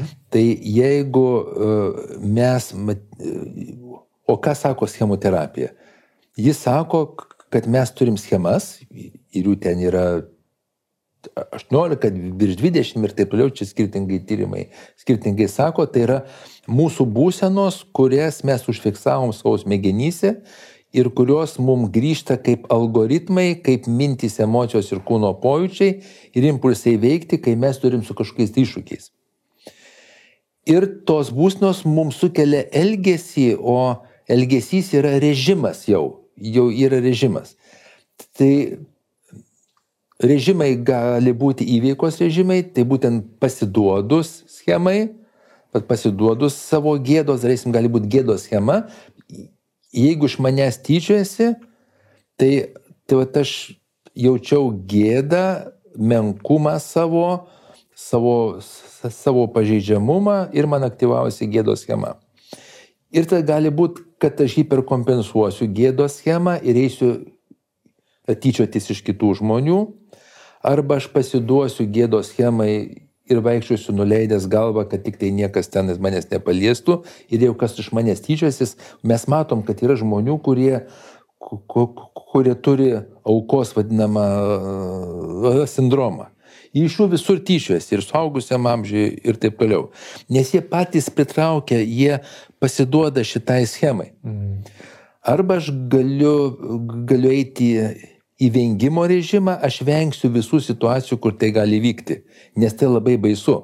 Ir aš vengsiu ryšių, socialinių kontaktų, kažkokiu tai pasisakyti ten kažkur tai ir taip toliau, aš būsiu vengiantis. Taip? Tai būtent šitos, šitos patirtys, jos sukuria pas mus tas būsenas vadinamas schemomis ir priklauso nuo to, kokios patirtys, kaip ten tos schemos įvyksto ir kaip mes reaguojam, arba, ar mes hiperkompensuojam, ar mes pasiduodam, ar mes vengiam ir klostosi mūsų gyvenimas. Ir kas būtų, kas yra, kas yra svarbu, kad tai veikia, tai veikia tai mums duoda laikiną palengvėjimą. Pavyzdžiui, mes pasityčiam iš kito hiperkompensuojam, arba mes pasiduodam ir tenais priimam šitą savo, nu, tokia, to, uh, vertės trūkumą, arba mes vengiam, tai tam kartui suveikia ir užtvirtina šitą mūsų elgesį. Ir tada taip gaunasi, kad mes turim polinkį kartoti šitą elgesį dar ir dar kartą, kol tai tampa mūsų automatizmu. Mhm. Ir jeigu mes norim kažką tai keisti, mes turim labai aiškiai įsisamoninti, ką mes norim keisti, kaip keisti. Ir kartais užtenka tokio klasikinio keitimo, vat, kur visos knygų parašyta, priešta daug labai saviugdos knygų, ten pasitikėk savim ir varyk ir būsi, ir būsi ir būsi sėkmingas, tai yra veikia tik tiem žmonėm, kurių dar tos schemos nėra tiek žalojančios. Mhm. Bet tiem žmonėm, kur labai žalojančios schemos, gėdos, pažeidžiamumo ir taip toliau, mes turim uh, perrašyti vaikystę tam tikrą prasme ir, ir mes tą darom, uh, tokie vadinamieji kūno ir schemų terapijos užsiimai, aš juos vedu Lietuvoje visur, mes e, per dvi dienas mes suformuojam idealią vaikystės patirtis visas. Ir mes būnam ir tėvais, ir vaikais, ir taip toliau, ten, ten buvo tokie rolių žaidimai specialūs. Aha. Ir, ir žmogus gauna jau būdamas suaugęs, jis, jis, jis ir kūdikis pabūna, ir, ir vaisius, ir paskui mokykloje visą kitą. E, mes jam iš naujo užrašom tas patirtis, kaip jos turėtų būti. Hmm, geras. Ir tada pa žmogų jau jis jau būna buvęs kažkur tai kitur. Aišku, vieno karto, vieno karto gali ir neužtekti, bet, pavyzdžiui, dviejų, dviejų, trijų kartų ar keletos kartų pa, pa žmogų atsiranda, jis jau jis yra girdėjęs kitokius žodžius, yra girdėjęs 120 meilės žodžių, 120 prieimimo žodžių, sakau 120 kaip, kaip sąlyginį skaičių, mhm. bet ten apkabinimų visokių, visi tave prieimė, visi tave myli, visi, visiems tu esi vertingas, vertingas ir taip toliau. Ir jisai tai būna jau gavęs. Nors suaugęs, nors jis vėluodamas 30 arba 40 metų, bet jis būna gavęs ir tai yra didelis skirtumas, ar tu niekad nesigavęs. Ir tiem žmonėm šitose praktikose, kai kuriem būna labai dėlė trauma, nu tokia, kaip čia pasakyti, trauma, gal nėra trauma, bet jie būna labai didelis stresas, val taip reikia sakyti, stresas, nes jie išgirsta pirmą kartą žodžius ir veiksmus ir tos meilės išraiškas, kurių niekad nėra gavę. Mhm. Ir kiti žmonės, nežinokit, yra, kur, kur net, kuriems sunku išbūti. Sukretimas? Jiem labai toksai sukretimas, jiem tai yra antiek svetimas dalykas, jie net netiki, jie net nenori būti, nes netiki, kad, kad, kad va gali žmonės būti tokie mylintys ir geri ir taip toliau. Tokia kaip apgaulė, jo, aš įsivaizduoju, va čia yra tie įsitikinimai ar nuostatos, ja. kokias tu turi. Tai, tai jau kalbant apie patyčias ar bet kokią kitą psichologinę traumą, Tai absoliučiai skirtingi žmonių likimai gali būti, nes labai daug kitų faktorių paskui veikia. Pati trauma, net pačios baisiausios traumos yra moksliniai tyrimai, kurie, kurie sako kad, pavyzdžiui, seksualinė prievarta vaikystėje, ne? Tai jau, nu, jau, jau labai baisus dalykas. Mm. Bet kai kuriuos žmonės nepaveikia. Taip. O kai kuriuos žmonės paveikia taip, kad jie visą gyvenimą mm. tenais gyvena labai prastai. Labai daug faktorių, daug daugiau faktorių yra negu vienas, negu mums atrodo. Gerai, grįžtant prie savivertės ir pasitikėjimo savim. Iš tikrųjų labai labai dažnas klausimas, kurio aš sulaukiu ir, ir asmeniškai, nu, parekomenduoju kokią nors knygą arba sako, nu ką daryti, jeigu vat, mano žema savivertė. Ir vienas iš metodų, vat, ką jūs pasakojo, tai yra sudalyvauti tam, sakykime, pamatyti kitomis akimis tą savo kitokią vaikystę, turbūt, kur tu patyrai daug to tokio pripažinimo koks, vat, nu, vat, su jūsų žinių bagažu, su jūsų žiniomis, koks būtų tiesiausias kelias, kaip, e, su, nežinau, susigražinti savivertę, nes turbūt. Ja, tai jūs jau kalbate apie savivertę, bet dauguma žmonių kalba apie pasitikėjimą savimi. Mhm. Tai aš taip jam atsakau, kad aš labai nemėgstu žmonių, kurie pasitikė savimi, labai nemėgstu, o kartais net bijau, kaip pavyzdžiui, kokio nors, kokio nors taksi vairuotojo, vat labai bijočiau, kuris pasitikė savimi, o, o dar daugiau bijočiau lėktuvo piloto arba dar. Nes pasitikėti reikia ne savimi, bet savo kompetencijomis. Mhm. Nes pasitikiu, pasitikiu savimi yra iš principo, iš principo labai destruktyvus, pavojingas dalykas. Ne? Aš pasitikiu savimi, dabar, dabar mes su jumis eisim ir pradėsim įsėsim į lėktuvą, nes mes pasitikim savimi ir mes, ir mes jį pradėsim pilotuoti, ne?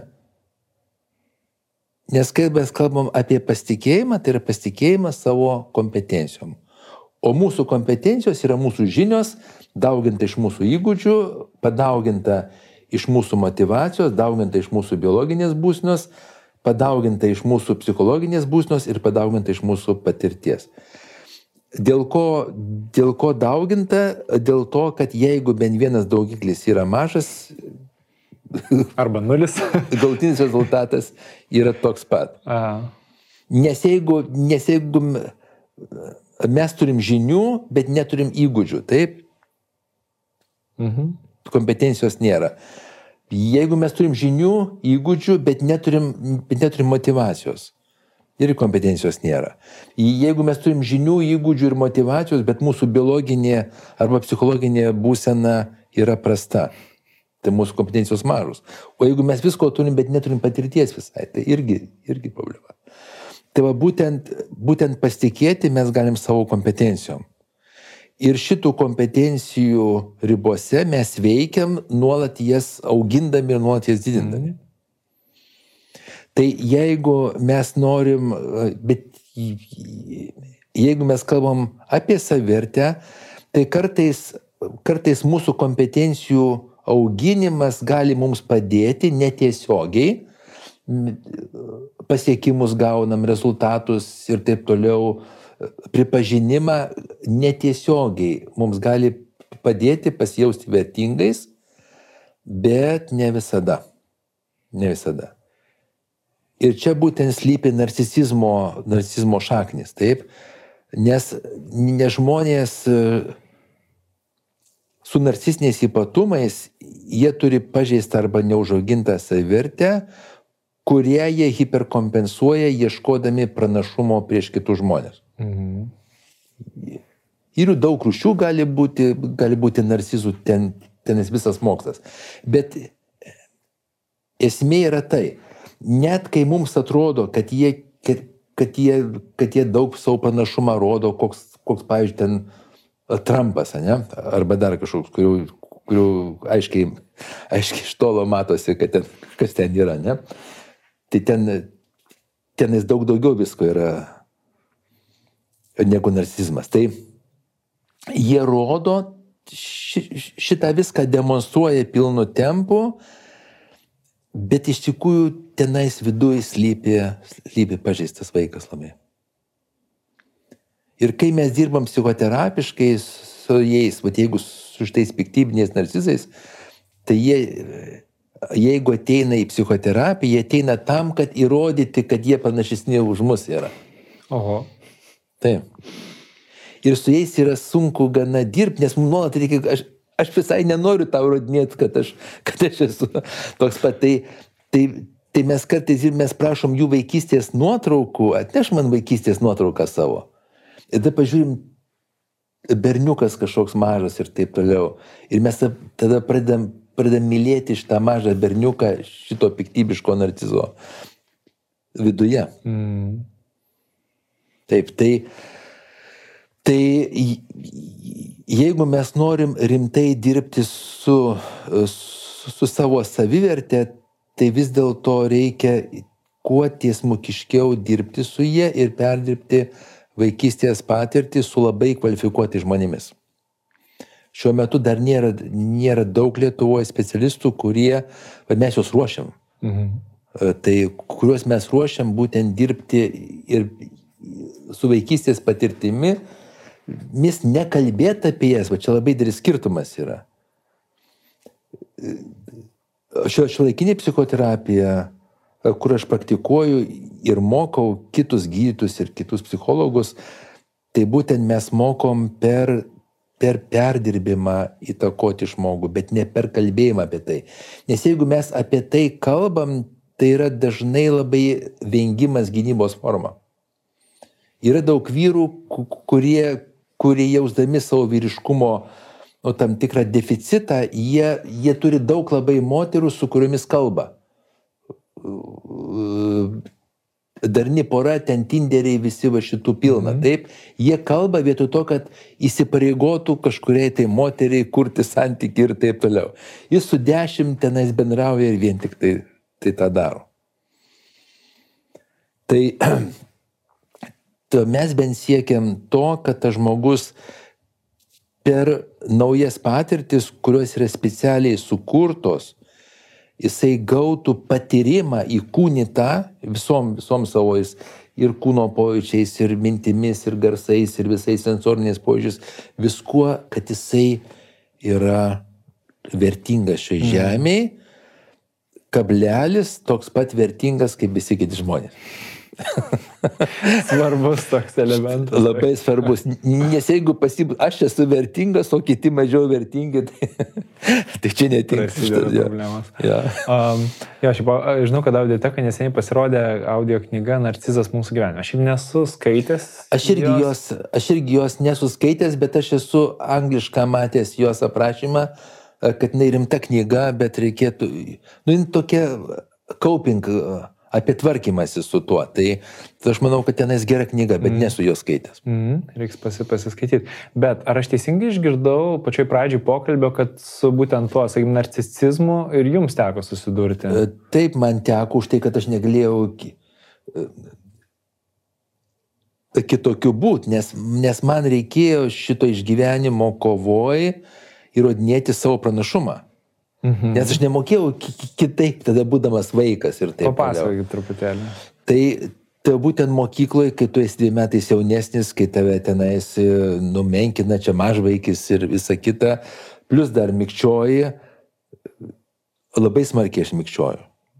Ir šiuo metu aš smarkiai mikščioju. Aš, aš daug dirbau, kad šitą savo tvarkyti, taip toliau. Ir, ir plus dar vaikštai apkirptais plaukais nes mano tėtis specialiai tuo metu mane skusdavo čia ir kirpdavo, kai būdavo plauko ilgis berniuko mato vienetas.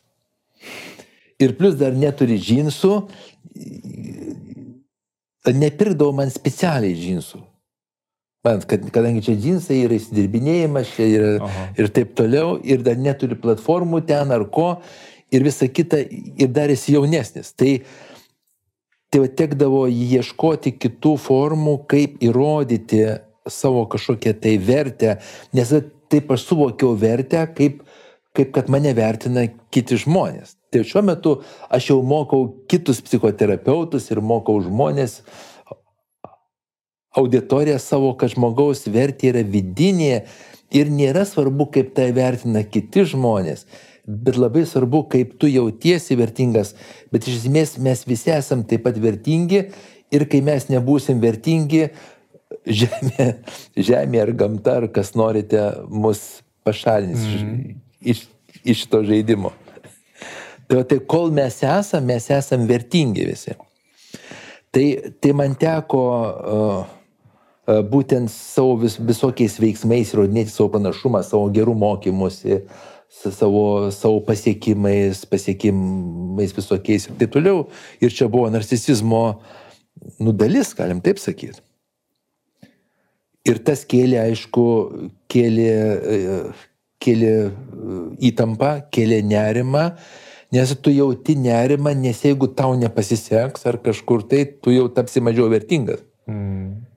Nes žmogus, jeigu jis yra vertingas, tai jam šiandien pasisekė ar nepasisekė, ar jam ten dar kažkas, tai, tai jo vertė... Ne, nekeičia. Jo, jo, jo, vertė, jo vertė nekeičia. Tai man praėjo daug metų, kol aš kol aš tą suvokiau, tai pradžiai suvokiau, paskui prieimiau šitą ir dar paskui pradėjau šito vadovautis, tai čia labai daug praeina, praeina laiko. Bet, bet, bet, bet šiuo metu mes daug greičiau tai darom, daug greičiau, nežinau, 10-20 kartų greičiau negu, negu bet, man teko. O kas iš esmės pasikeitė, dėl ko taip, taip daug greičiau galima tą padaryti? Už tai, kad mes žinom, kas, kas tai yra, žinom, žinom būdus ir mechanizmus, kaip su tuo tvarkytis, kaip, kaip sukurti naujas patirtis tam žmogui ir taip toliau. Mes tikslingai pertvarkom jo, galim sakyti, gyvenimo patirtis. Mm. Eksperimentus dam. Tai, duosiu pavyzdį. E, kuo skiriasi, kuo skiriasi šio laikinė psichoterapija nuo dalieskim buvusios, ne? Tai, pavyzdžiui, jeigu jeigu ateina mergina, man teko labai daug dirbti su, su ta pačia gėda, va, nėra skirtumas mergina arba vaikinas, va, vienas vyras buvo, ne, pas jį vidinis gėdos jausmas dėlis. Ir mes tą su, su daug savo klientų, aš esu daręs ypatingai anksčiau tą patirtį sutvarkyti su savo gėdos jausmu, tam, kad, tam, kad pajaus, kad aš esu vertingas uh, parduotuvėse. Tai mes taip darom mes einam į parduotuvę, didelį prekybos centrą ir perkam vieną gumos pokelį. Ir praeinam pro kasą, mes nuperkam vienas vieną pokelį, aš pirmas einu, paskui eina klientas arba klientė, išeinam, vėl grįžtam į tą pačią parduotuvę, vėl į tą pačią kasą ir vėl perkam po vieną gumos pokelį. Ir taip darom, nes labai didelė gėda žmogui, tam mano klientui taip. arba klientiai. Ką pasakys ir taip toliau, ta žiūri, ten mes labai matom skirtumų žmonių, nes viena kasininkė abejingai daro ir visa, visa kita, kita pradeda mus kalbinti, šaipytis, kita, kita ten pradeda pykti, bet mes darom, mes darom teisėtą veiksmą, mes esame vertingi, pirkėjai, mes perkam vieną gumos pagelį. Ir kai tas jausmas po entojo karto mažėja, mes tada einam, nusiperkam vieną pakelį, sakom, atsiprašom, mes norim pakeisti kitą. Mm. Ir priduodam Antras šitą, lygis. priduodam šitą ir pasikeičiam į kitą. Ir vėlgi gėda, vėl kažkoks piktis iš pardavėjų, vėl kažkas tai. Ir mes vėl išeinam ir vėl apsauga ateina, apsauga stovi žiūri mus, bet mes nieko blogo, mes nieko blogo nedarom. Mes esame vertingi šitos parduotuvės pirkėjai. Taip? Tada jau, kai šitą gėdą mažėja, mes tada ateinam ir sakom, įsigijom, susimokam, sakom, apsigalvojom. Mes norim gražinti. O ne? Ir gražinam. Ir vėl darom tiek pat. Arba kitas, e, va, toksai, va žmogus jaučiasi, kad jis nėra vertingas e, trokštamai lyčiai. Ne? Ir mes einam į prekybos centrą, didelį prekybos centrą ir stariam, kad mes paklausim pas šimtą arba pas penkiasdešimt, žiūrint, kiek ten laiko yra, trokštamos lyties atstovų, kiek valandų. Ir klausia, kiek valandų. Jau kiti mato, kad pas kitą klausia ir taip toliau, irgi gėda ir ten vertinimas. Bet absoliučiai dauguma žmonių labai mandagiai atsako, kiek valandų. Ir po keletos sesijų mes einam į prekybos centrą ir pavyzdžiui, vat, jeigu tai moteris, nueinam į kokius nors techninę, techninę, techninę parduotuvę ir mes sutarėm, kad neįklaus apie dulkių siurblio, siurblio veikimo mechanizmą pas tos pardavėjus. ir kantriai jie aiškina, kaip veikia dulkių siurblys, dėl ko ten klausimus užduoda ir visą kitą. Ir paskui jis sako, žinai, čia, čia yra jo darbas, jis manęs nemėgsta, bet čia yra jo darbas. Sakau, sakau gerai, einam, einam į kitą parduotuvę, kur daug labai rūbų. Ir marškinių labai daug. Ir, ir mes tariam, kad ji pas kitą pirkėją prašys, kad išrinktų jos broliui marškinius kaip dovana. Mm. Ir kaip manot, absoliučiai dauguma vyrų, absoliučiai, absoliučiai dauguma vyrų įsitraukia į ją, ten pradeda, pradeda flirtuoti ir taip toliau ir renka marškinius jos broliui. Geras. Jo, iš tikrųjų. Ir tada pas tą žmogų jisai būna tai patyręs. Įsivaizduokit, praėjo 30 metų ir aš pirmą kartą patyriau, kad taip į mane kreipia dėmesį ir taip ten. -hmm. Aš esu vertingas. Geras, ačiū labai už pasidalinimą šitais pavyzdžiais. E, gerai, noriu pakeisti truputėlį dabar temą ir prieisim prie klausimo, apie kurį, vat, kai mes tik susitikom, sakėt, vat, aš irgi turiu savo nuomonę iš to klausimu. Apie pradėk iš naujo. Gal mes nuo to ir pradėkim. Nors e, aš šiaip noriu paklausti, gerai, gal aš palaikysiu klausimą, vat, sakėt, turit savo nuomonę, ką reiškia pradėti iš naujo. Mhm. Aš manau, kad šitas terminas iš principo yra neteisingas, nes, nes mes niekaip negalim pradėti iš naujo, mhm. bet mes galim atnaujinti. Nes reikėtų prašyti atsinaujink. Atsinaujink, ne? Bet būtų marketinginė prasme gal, gal būtų blogiau. Tai, tai dėl to, kad mes iš naujo mes, mes niekaip negalim pradėti, bet mes galim atsinaujinti. Mhm. Taip? Ir atsinaujinti e, mes galim tiek, kiek mes įsisamonam, kas mums yra vertinga. Ir tai nepriklauso nuo amžiaus, nes jeigu mes visi mirsime, ne? Mhm. Yra trys dalykai gyvenime, kur, kur viskas arba nieko. Tai yra žmogus gyvas ar miręs, moteris nešia arba ne, arba failas atsisiunti arba ne. Taip?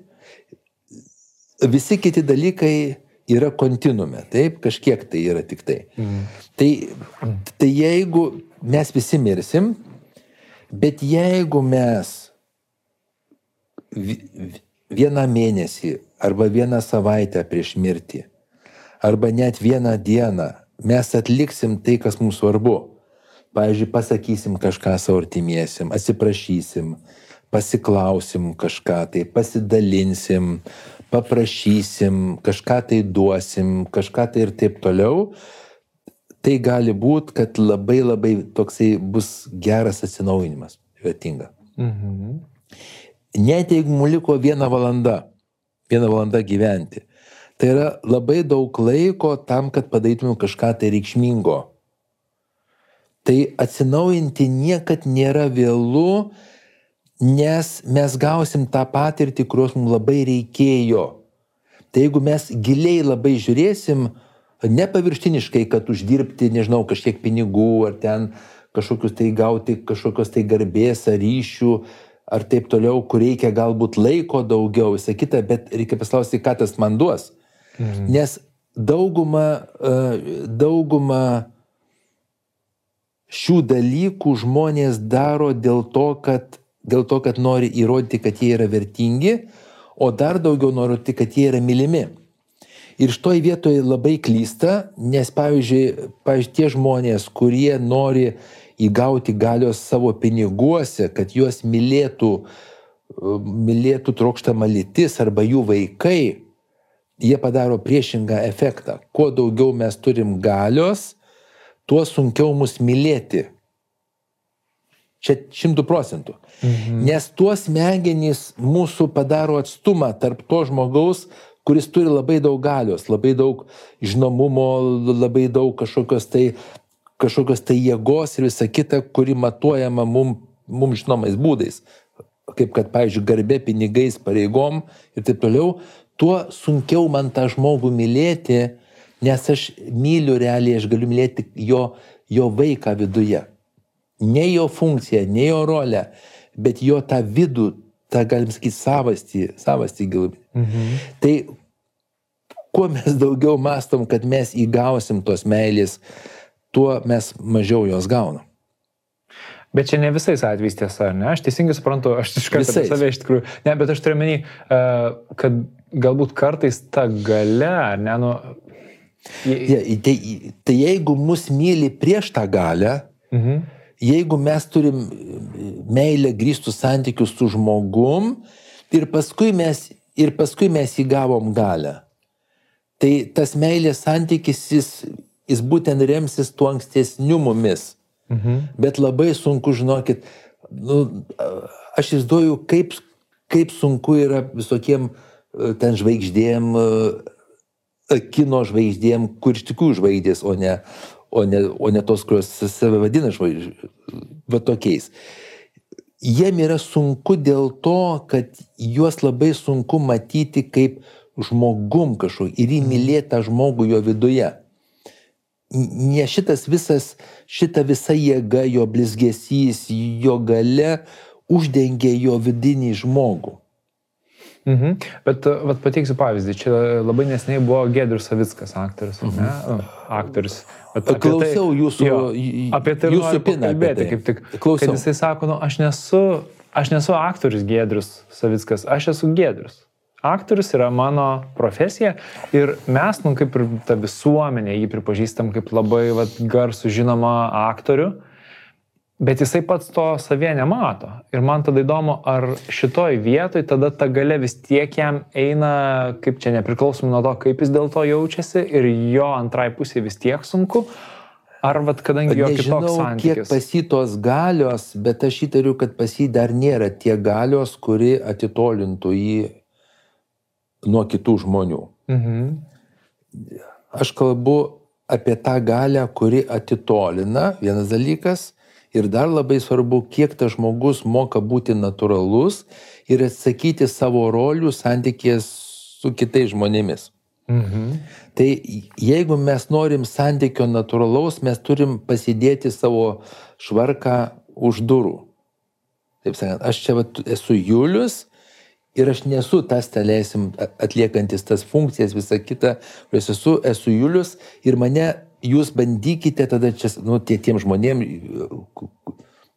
kurių meilės aš noriu, bandykite mane pažinti tarsi iš naujo mano savastį, mano žmogiškąją prigimtį ir taip toliau. Jau atsietai. Bet aš turiu tikslingai nusimesti visas regalijas ir, ir visą kitą.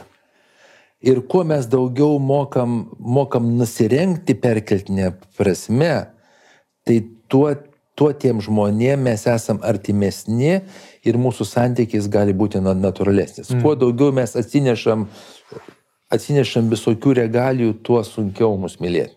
Mm. Gerai, tai atsakėt, o kartais, kai žmonės pasiekia, pasiekia kažkokį tai lygį, jau labai sunku šitas regalijas ir nusimti, nes pasie, tam, kad jis pasiektų šitą lygį, atsispindi viskas jo, jo veidė ir visur, mm. jo kalboje, jo elgesyje ir visur. Mums labai sunku, su, su sunku nuimti nuo jo šitą anspaudą. Mm. Gerai, grįžtant tada prie to pradėjimo iš naujo arba atsinaujinimo. Turbūt populiariausia tema, nes pradėti iš naujo, kaip aš vardiju, e, galima įvairiausiose temose, bet viena turbūt dažniausių temų, galbūt dėl to, kad ir aš apie tai daug kalbu, yra tas profesinis atsinaujinimas, kai žmogus eina, eina vienu keliu ir kažkurio metu sako, nu viskas, jaučiu, kad šitas kelias manęs niekur nebeveda, noriu tiesiog pakeisti visiškai kryptį. Ir man gal klausimas pirmas kilantis ta tema yra, nuo ko reikėtų pradėti, pradėti iš naujo tokioj situacijai. Kas, nes labai svarbu turbūt nepražiūrėti kažkokio to momento, čia kaip ir po skirybų, ar nebūna, nu, mat, jeigu tu neperžiūrė, sakykime, kas įvyko, koks nu, tos visos, nežinau, kuo, kokiu žmogum tu tapai, kas vyksta šiuo metu savo gyvenimu, tai tu labai tikėtina, kad sukrisi su labai panašia situacija vėl. Tai nuo ko reikėtų pradėti? niekur nebeveda yra mąstymo klaida, Mhm.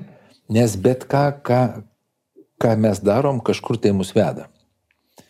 Tai tik tai gali kilti klausimas, kad manęs neveda ten, kur aš noriu būti. Ir kai šitas klausimas atsiranda, tai, tai ir atsakymas atsiranda, už tai, kad aš klausiu, o kur aš noriu būti, Mhm. ir mes pradėti tarsi iš naujo kabutėse galim sėkmingai tik tai tuo atveju, kai mes žinom, kur pradėję mes norim nueiti. Nes jeigu mes norim pradėti iš naujo kabutėse tam, kad atsikratyti savo praeities, čia jūs labai davėte gerą pavyzdį su, su, su, su būtent skirybom, bus taip, kaip buvo Mhm. mes jums labai aiškiai žinoti tikslą, nu, kryptį, galim, bet tikslas nėra geras žodis čia ir kryptis, kuria krypti mes norime eiti, kokiomis mes vertybėmis vadovaujamės, kiek mes turėsim dėti pastangų, kokiu mes galim tikėtis rezultato ir būti šitoj vietoje realistiški, jeigu mes norim būti sėkmingi.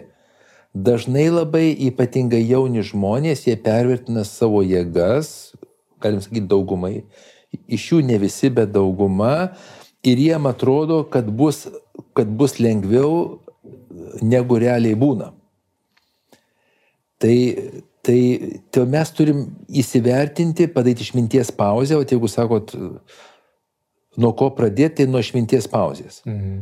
Ir tada susiplanavimo, čia kaip verslo planas ar kažkas taip. Tai turi būti susiplanavimo, matymo savo kelio, matymo savo krypties, savo, savo tikslų tarpinių, savo resursų, savo apribojimų, svoto analizė, ne, E, mano stiprybės, silpnybės, galimybės, apribojimai ir tada pasiplanavus eiti šituo keliu ir matyti tame prasme ir matyti proceso dar džiaugsmą. Mhm. Nes jeigu mes prisirišam tik tai prie to būsimo rezultato, tada irgi gali būti būt labai liūdna. Už tai, kad jo gali ir nebūti iš to rezultato, bet gali būti kitas rezultatas.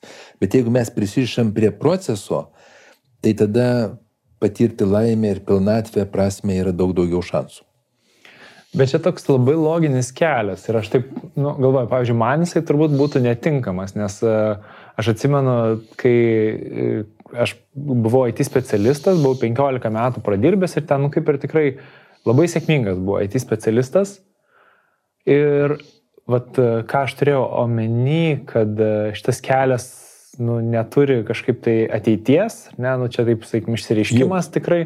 Į, ma, man tai buvo tiesiog pojūtis.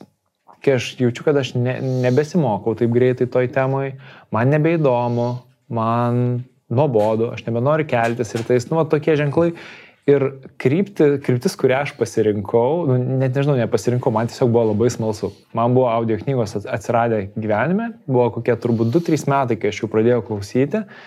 Jų ir tiesiog mane tas smalsumas taip nešė į tą temą, kad e, kita tema, nu, man pasidarė turbūt nebeįdomi, gal taip dabar aš retrospektyviai galiu matyti, bet, bet esmė, kad aš ne, neįsivaizdavau, kur audio, ta, audio knygų tema galėtų mane nunešti ir tai buvo visiškai nelogiška, nes aš neturėjau jokios verslo patirties, jokių net žinių, mokymų verslo ir visų šitų dalykų. Ir aš jeigu būčiau tuo metu, turbūt, aišku, aš vis tiek turėjau dėlioti kažkokį tai verslo planą ir bandyti ten pamatyti tame ateitį, bet e, perspektyvos tai buvo liūdnos labai, jeigu aš tai būčiau žiūrėjęs, sakykim, labai logiškai, konkrečiai. Ir vienintelis dalykas, kas mane vedė į priekį, buvo nu, toks pojūtis, kad tarsi va, kažkas tame yra. Šitas žodis yra aistra. Taip, mhm. mes, esam, mes esam skirtingai aistringi žmonės ir pas kai kuriuos žmonės aistra tai yra labai stiprus emocinis įstraukimas, yra stipri ta aistra. Ir da kažkas tai, kas sujudina, vad jeigu pažiūrėt, vis tiek užjudino kažkokius tai jūsų giluminius įstikinimus iš vaikystės patirtis stipriau. Kažkas tai tokio buvo. Mhm. Tai tada atsirado aistra, aistringas įsitraukimas ir jūs darėte e, ir kartu mokėtės. Nes, nes labai daug verslų, kaip jūs žinote, statistika žlunga per ten pirmus pusę metų, per metus, per, per, per taip toliau, dėl to žlunga, kad nėra šito logiško, va, kaip jūs sakote, racionalaus įsivertinimo. Jie yra grįsti aistra. Mhm. Ir, aš, ir aš siūlau šitą, šitą terminą įsivesti ir į verslo psichologijos, psichologijos žodyną, už tai, kad tai yra motyvas paskatinantis mus veikti. Tai jeigu žmogus turi, uh, turi biologinį atsparumą, mes apie išnekėjom, turi intelektą, turi kažkokį tai racionalaus mąstymo algoritmus ir taip toliau, tai ir, ir norą mokytis, tai ta aistra gali būti kaip motivatorius, bet paskui savo kelią užpildo, užpildo kompetencijomis jau. Mm. Nes aistra nėra kompetencija. Aistra yra motivacijos tik tai tam tikras elementas ne visa motivacija, bet tik tai jos elementas. Tai, tai visas šitas kompetencijas mes turim užpildyti. Tai jeigu mes įsivertinsim truputį, nu jas, galim sakyti, logiškiau ir taip toliau, patirsim mažiau, mažiau rizikos patirti nesėkmę. Mhm. Bet kartais, jeigu, jeigu mes kalbame apie prasme gyvenimo ir taip toliau, tai kartais, kartais įsitraukti aistrą ir paskui patirti nesėkmę, irgi nėra blogas dalykas. tai, tai jau kalbant apie, apie resursus, viskas kainuoja, kainuoja mūsų resursus. Tai kuo daugiau racionalumo, tuo mes daugiau iš tos savo resursus galim išdėstyti taupiau, efektyviau. Bet jeigu mes jų turim labai daug, jeigu mes esam biologiškai labai užkrauti, mhm. tada mes ir išvaistom dalį, bet mums lieka dar daug. Tai aš manau, kad gal jūsų atveju šitas yra. Mm, okay. uh, gerai. Kitas dalykas tokia, nu, kai baime. Šiaip daug baimės žmonės turi, kaip pradėti iš naujo. Normalu. Ir viena iš jų yra, apie kurią noriu paklausti jūsų, ta tokia nežinomybės baime. Kai tu nežinai, kaip bus. Ir, ir šiaip visais atvejais nežinai, Taip. kad bus. Niekas negali žinoti, kad bus COVID, kad nu, niekaip nesuplanuosi tokio įvykio. Kaip išmokti primti nežinomybę? Tai ją reikėtų primti kaip e, mūsų absoliučiai, absoliučiai gyvenimo dalį, kur yra beveik visur, nes jinai yra reali, o mūsų tikėjimas, kad mes žinom, yra iliuzija. Mm. Nes iš tikrųjų mes nieko nežinom, mes, mes, mes tik manom, kad žinom, kad šiandien vakare mes, nežinau, ten vakarieniausim ar pastiksim su kažkuo tai. Mes tik taip manom. Mm. Bet iš tikrųjų mes galim mirti, gali atominis karas būti, gali žemė susprokti, gali dar kažkas tai būti. Tai e, kuo daugiau pa žmogui yra išminties, tuo jisai daugiau priima du tokius dalykus. Tai vienas dalykas nežinomybė ir dar kitas dalykas yra neapibrieštumą. Tai yra, nu, tokį nežinojimą, kas veikia ir kas neveikia. Taip, tai irgi prieima kaip duotybę ir mokosi veikti pačiu geriausiu būdu ir staikyti, kad šitas geriausias būdas gali kartais būti nesėkmingas. Mhm. Tai, tai jeigu mes kalbam apie pradžią kažko tai naujo, tai e, Tai mes tada taip, mes turim aistrą, mes turim, mes turim motivaciją, tada mes turim pasklausti, kokiu kompetencijų man reikia, kad aš pasiekčiau savo kažkokius tai tikslus. Ir kuo mes daugiau įjungsim šito racionalumo, tuo mažiau liks nežinomybės. Ir tuo tada mes galim būti ramesni šitoje vietoje. Aš siūlau mažinti savo baimę, auginant savo kompetencijas. Mhm. Gerai, labai geras patarimas. Ir, ir dar kalbant apie verslą, taip, kalbant apie verslą, iš tikrųjų visi verslai yra iš principo vienodi, tokie patys. Nes mes tenkinam, žmonės kartais nepagalvoja, nes jeigu pa žmonės išminties truputį, truputį pritrūksta, jisai pradeda verslą tenkinamas savo poreikius. Mhm. O iš tikrųjų mes turim pradėti verslą, kad tenkintumėm kitų žmonių poreikius. Labai lengva tapti milijonierium, ne, nes tie žmonės yra milijonieriai, sakysiu, santykinai, kurie patenkina šimto tūkstančių žmonių poreikius. Ne? Jeigu tu patenkini šimto tūkstančių žmonių poreikius, jie tau sumoka po 10 eurų, kas absoliučiai normalu, ir tu esi milijonierius. Mm. Milijardierium irgi lengva būti, ne? Tik reikia patenkinti šimto milijonų žmonių poreikius. Ir viskas. Paprasta matematika. Jo. Mm. Tai, tai mums verta prieiti galvoti, kokios mano aistros ir kokios mano uh, auginamos kompetencijos tenkins kažkokiu tai žmonių poreikius ir kartais net mes tuos poreikius ir suformuojam tikslingai, juos didinam ir taip toliau.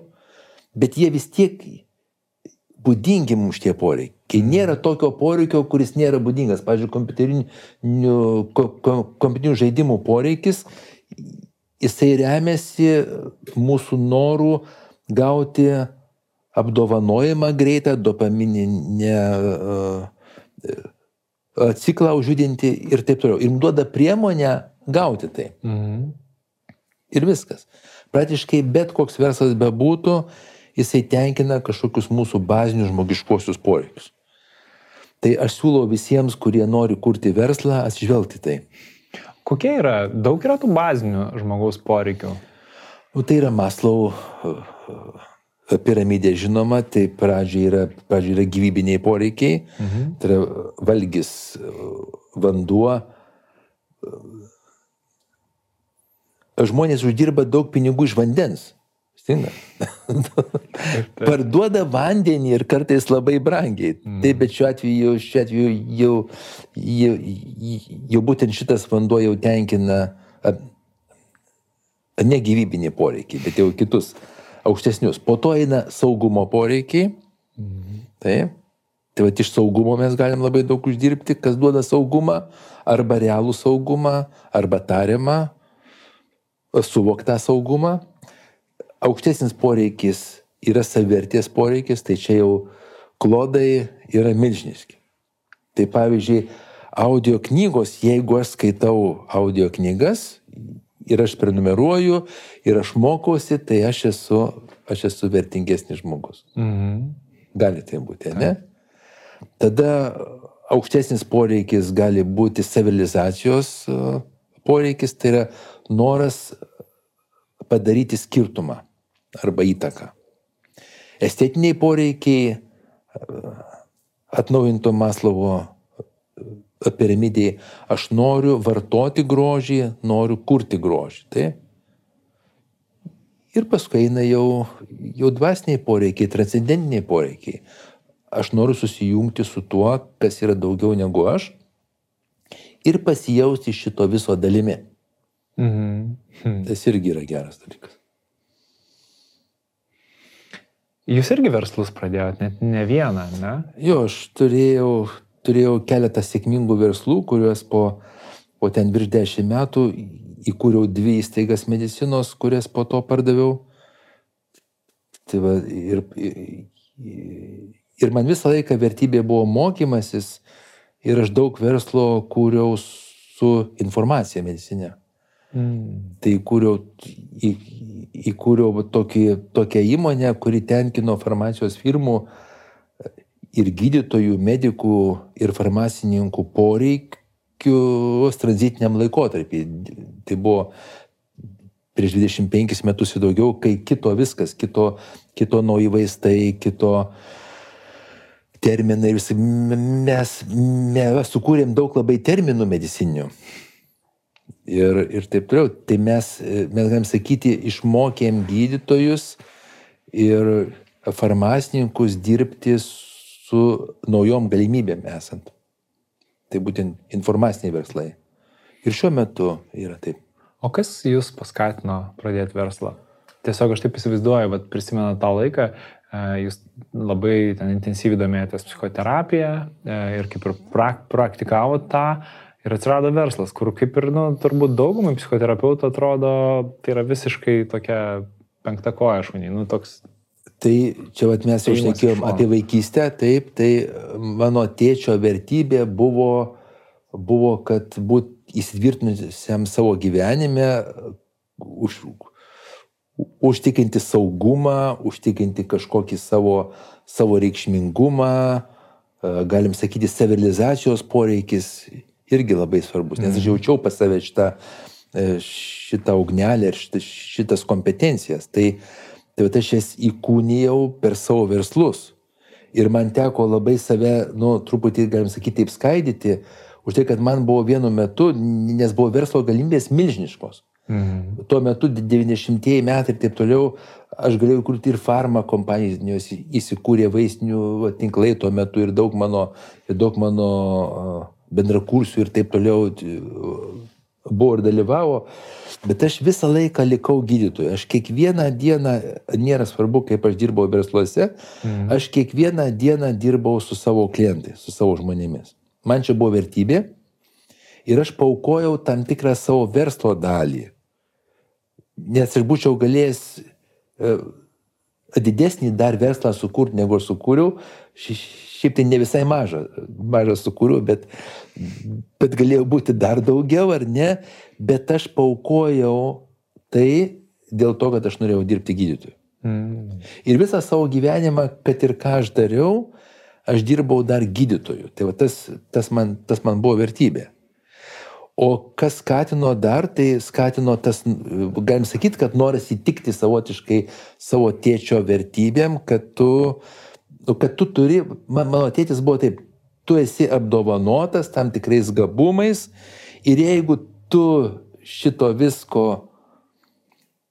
nerealizuosi, tada tu būsi, tu būsi loseris, tu būsi mėgys.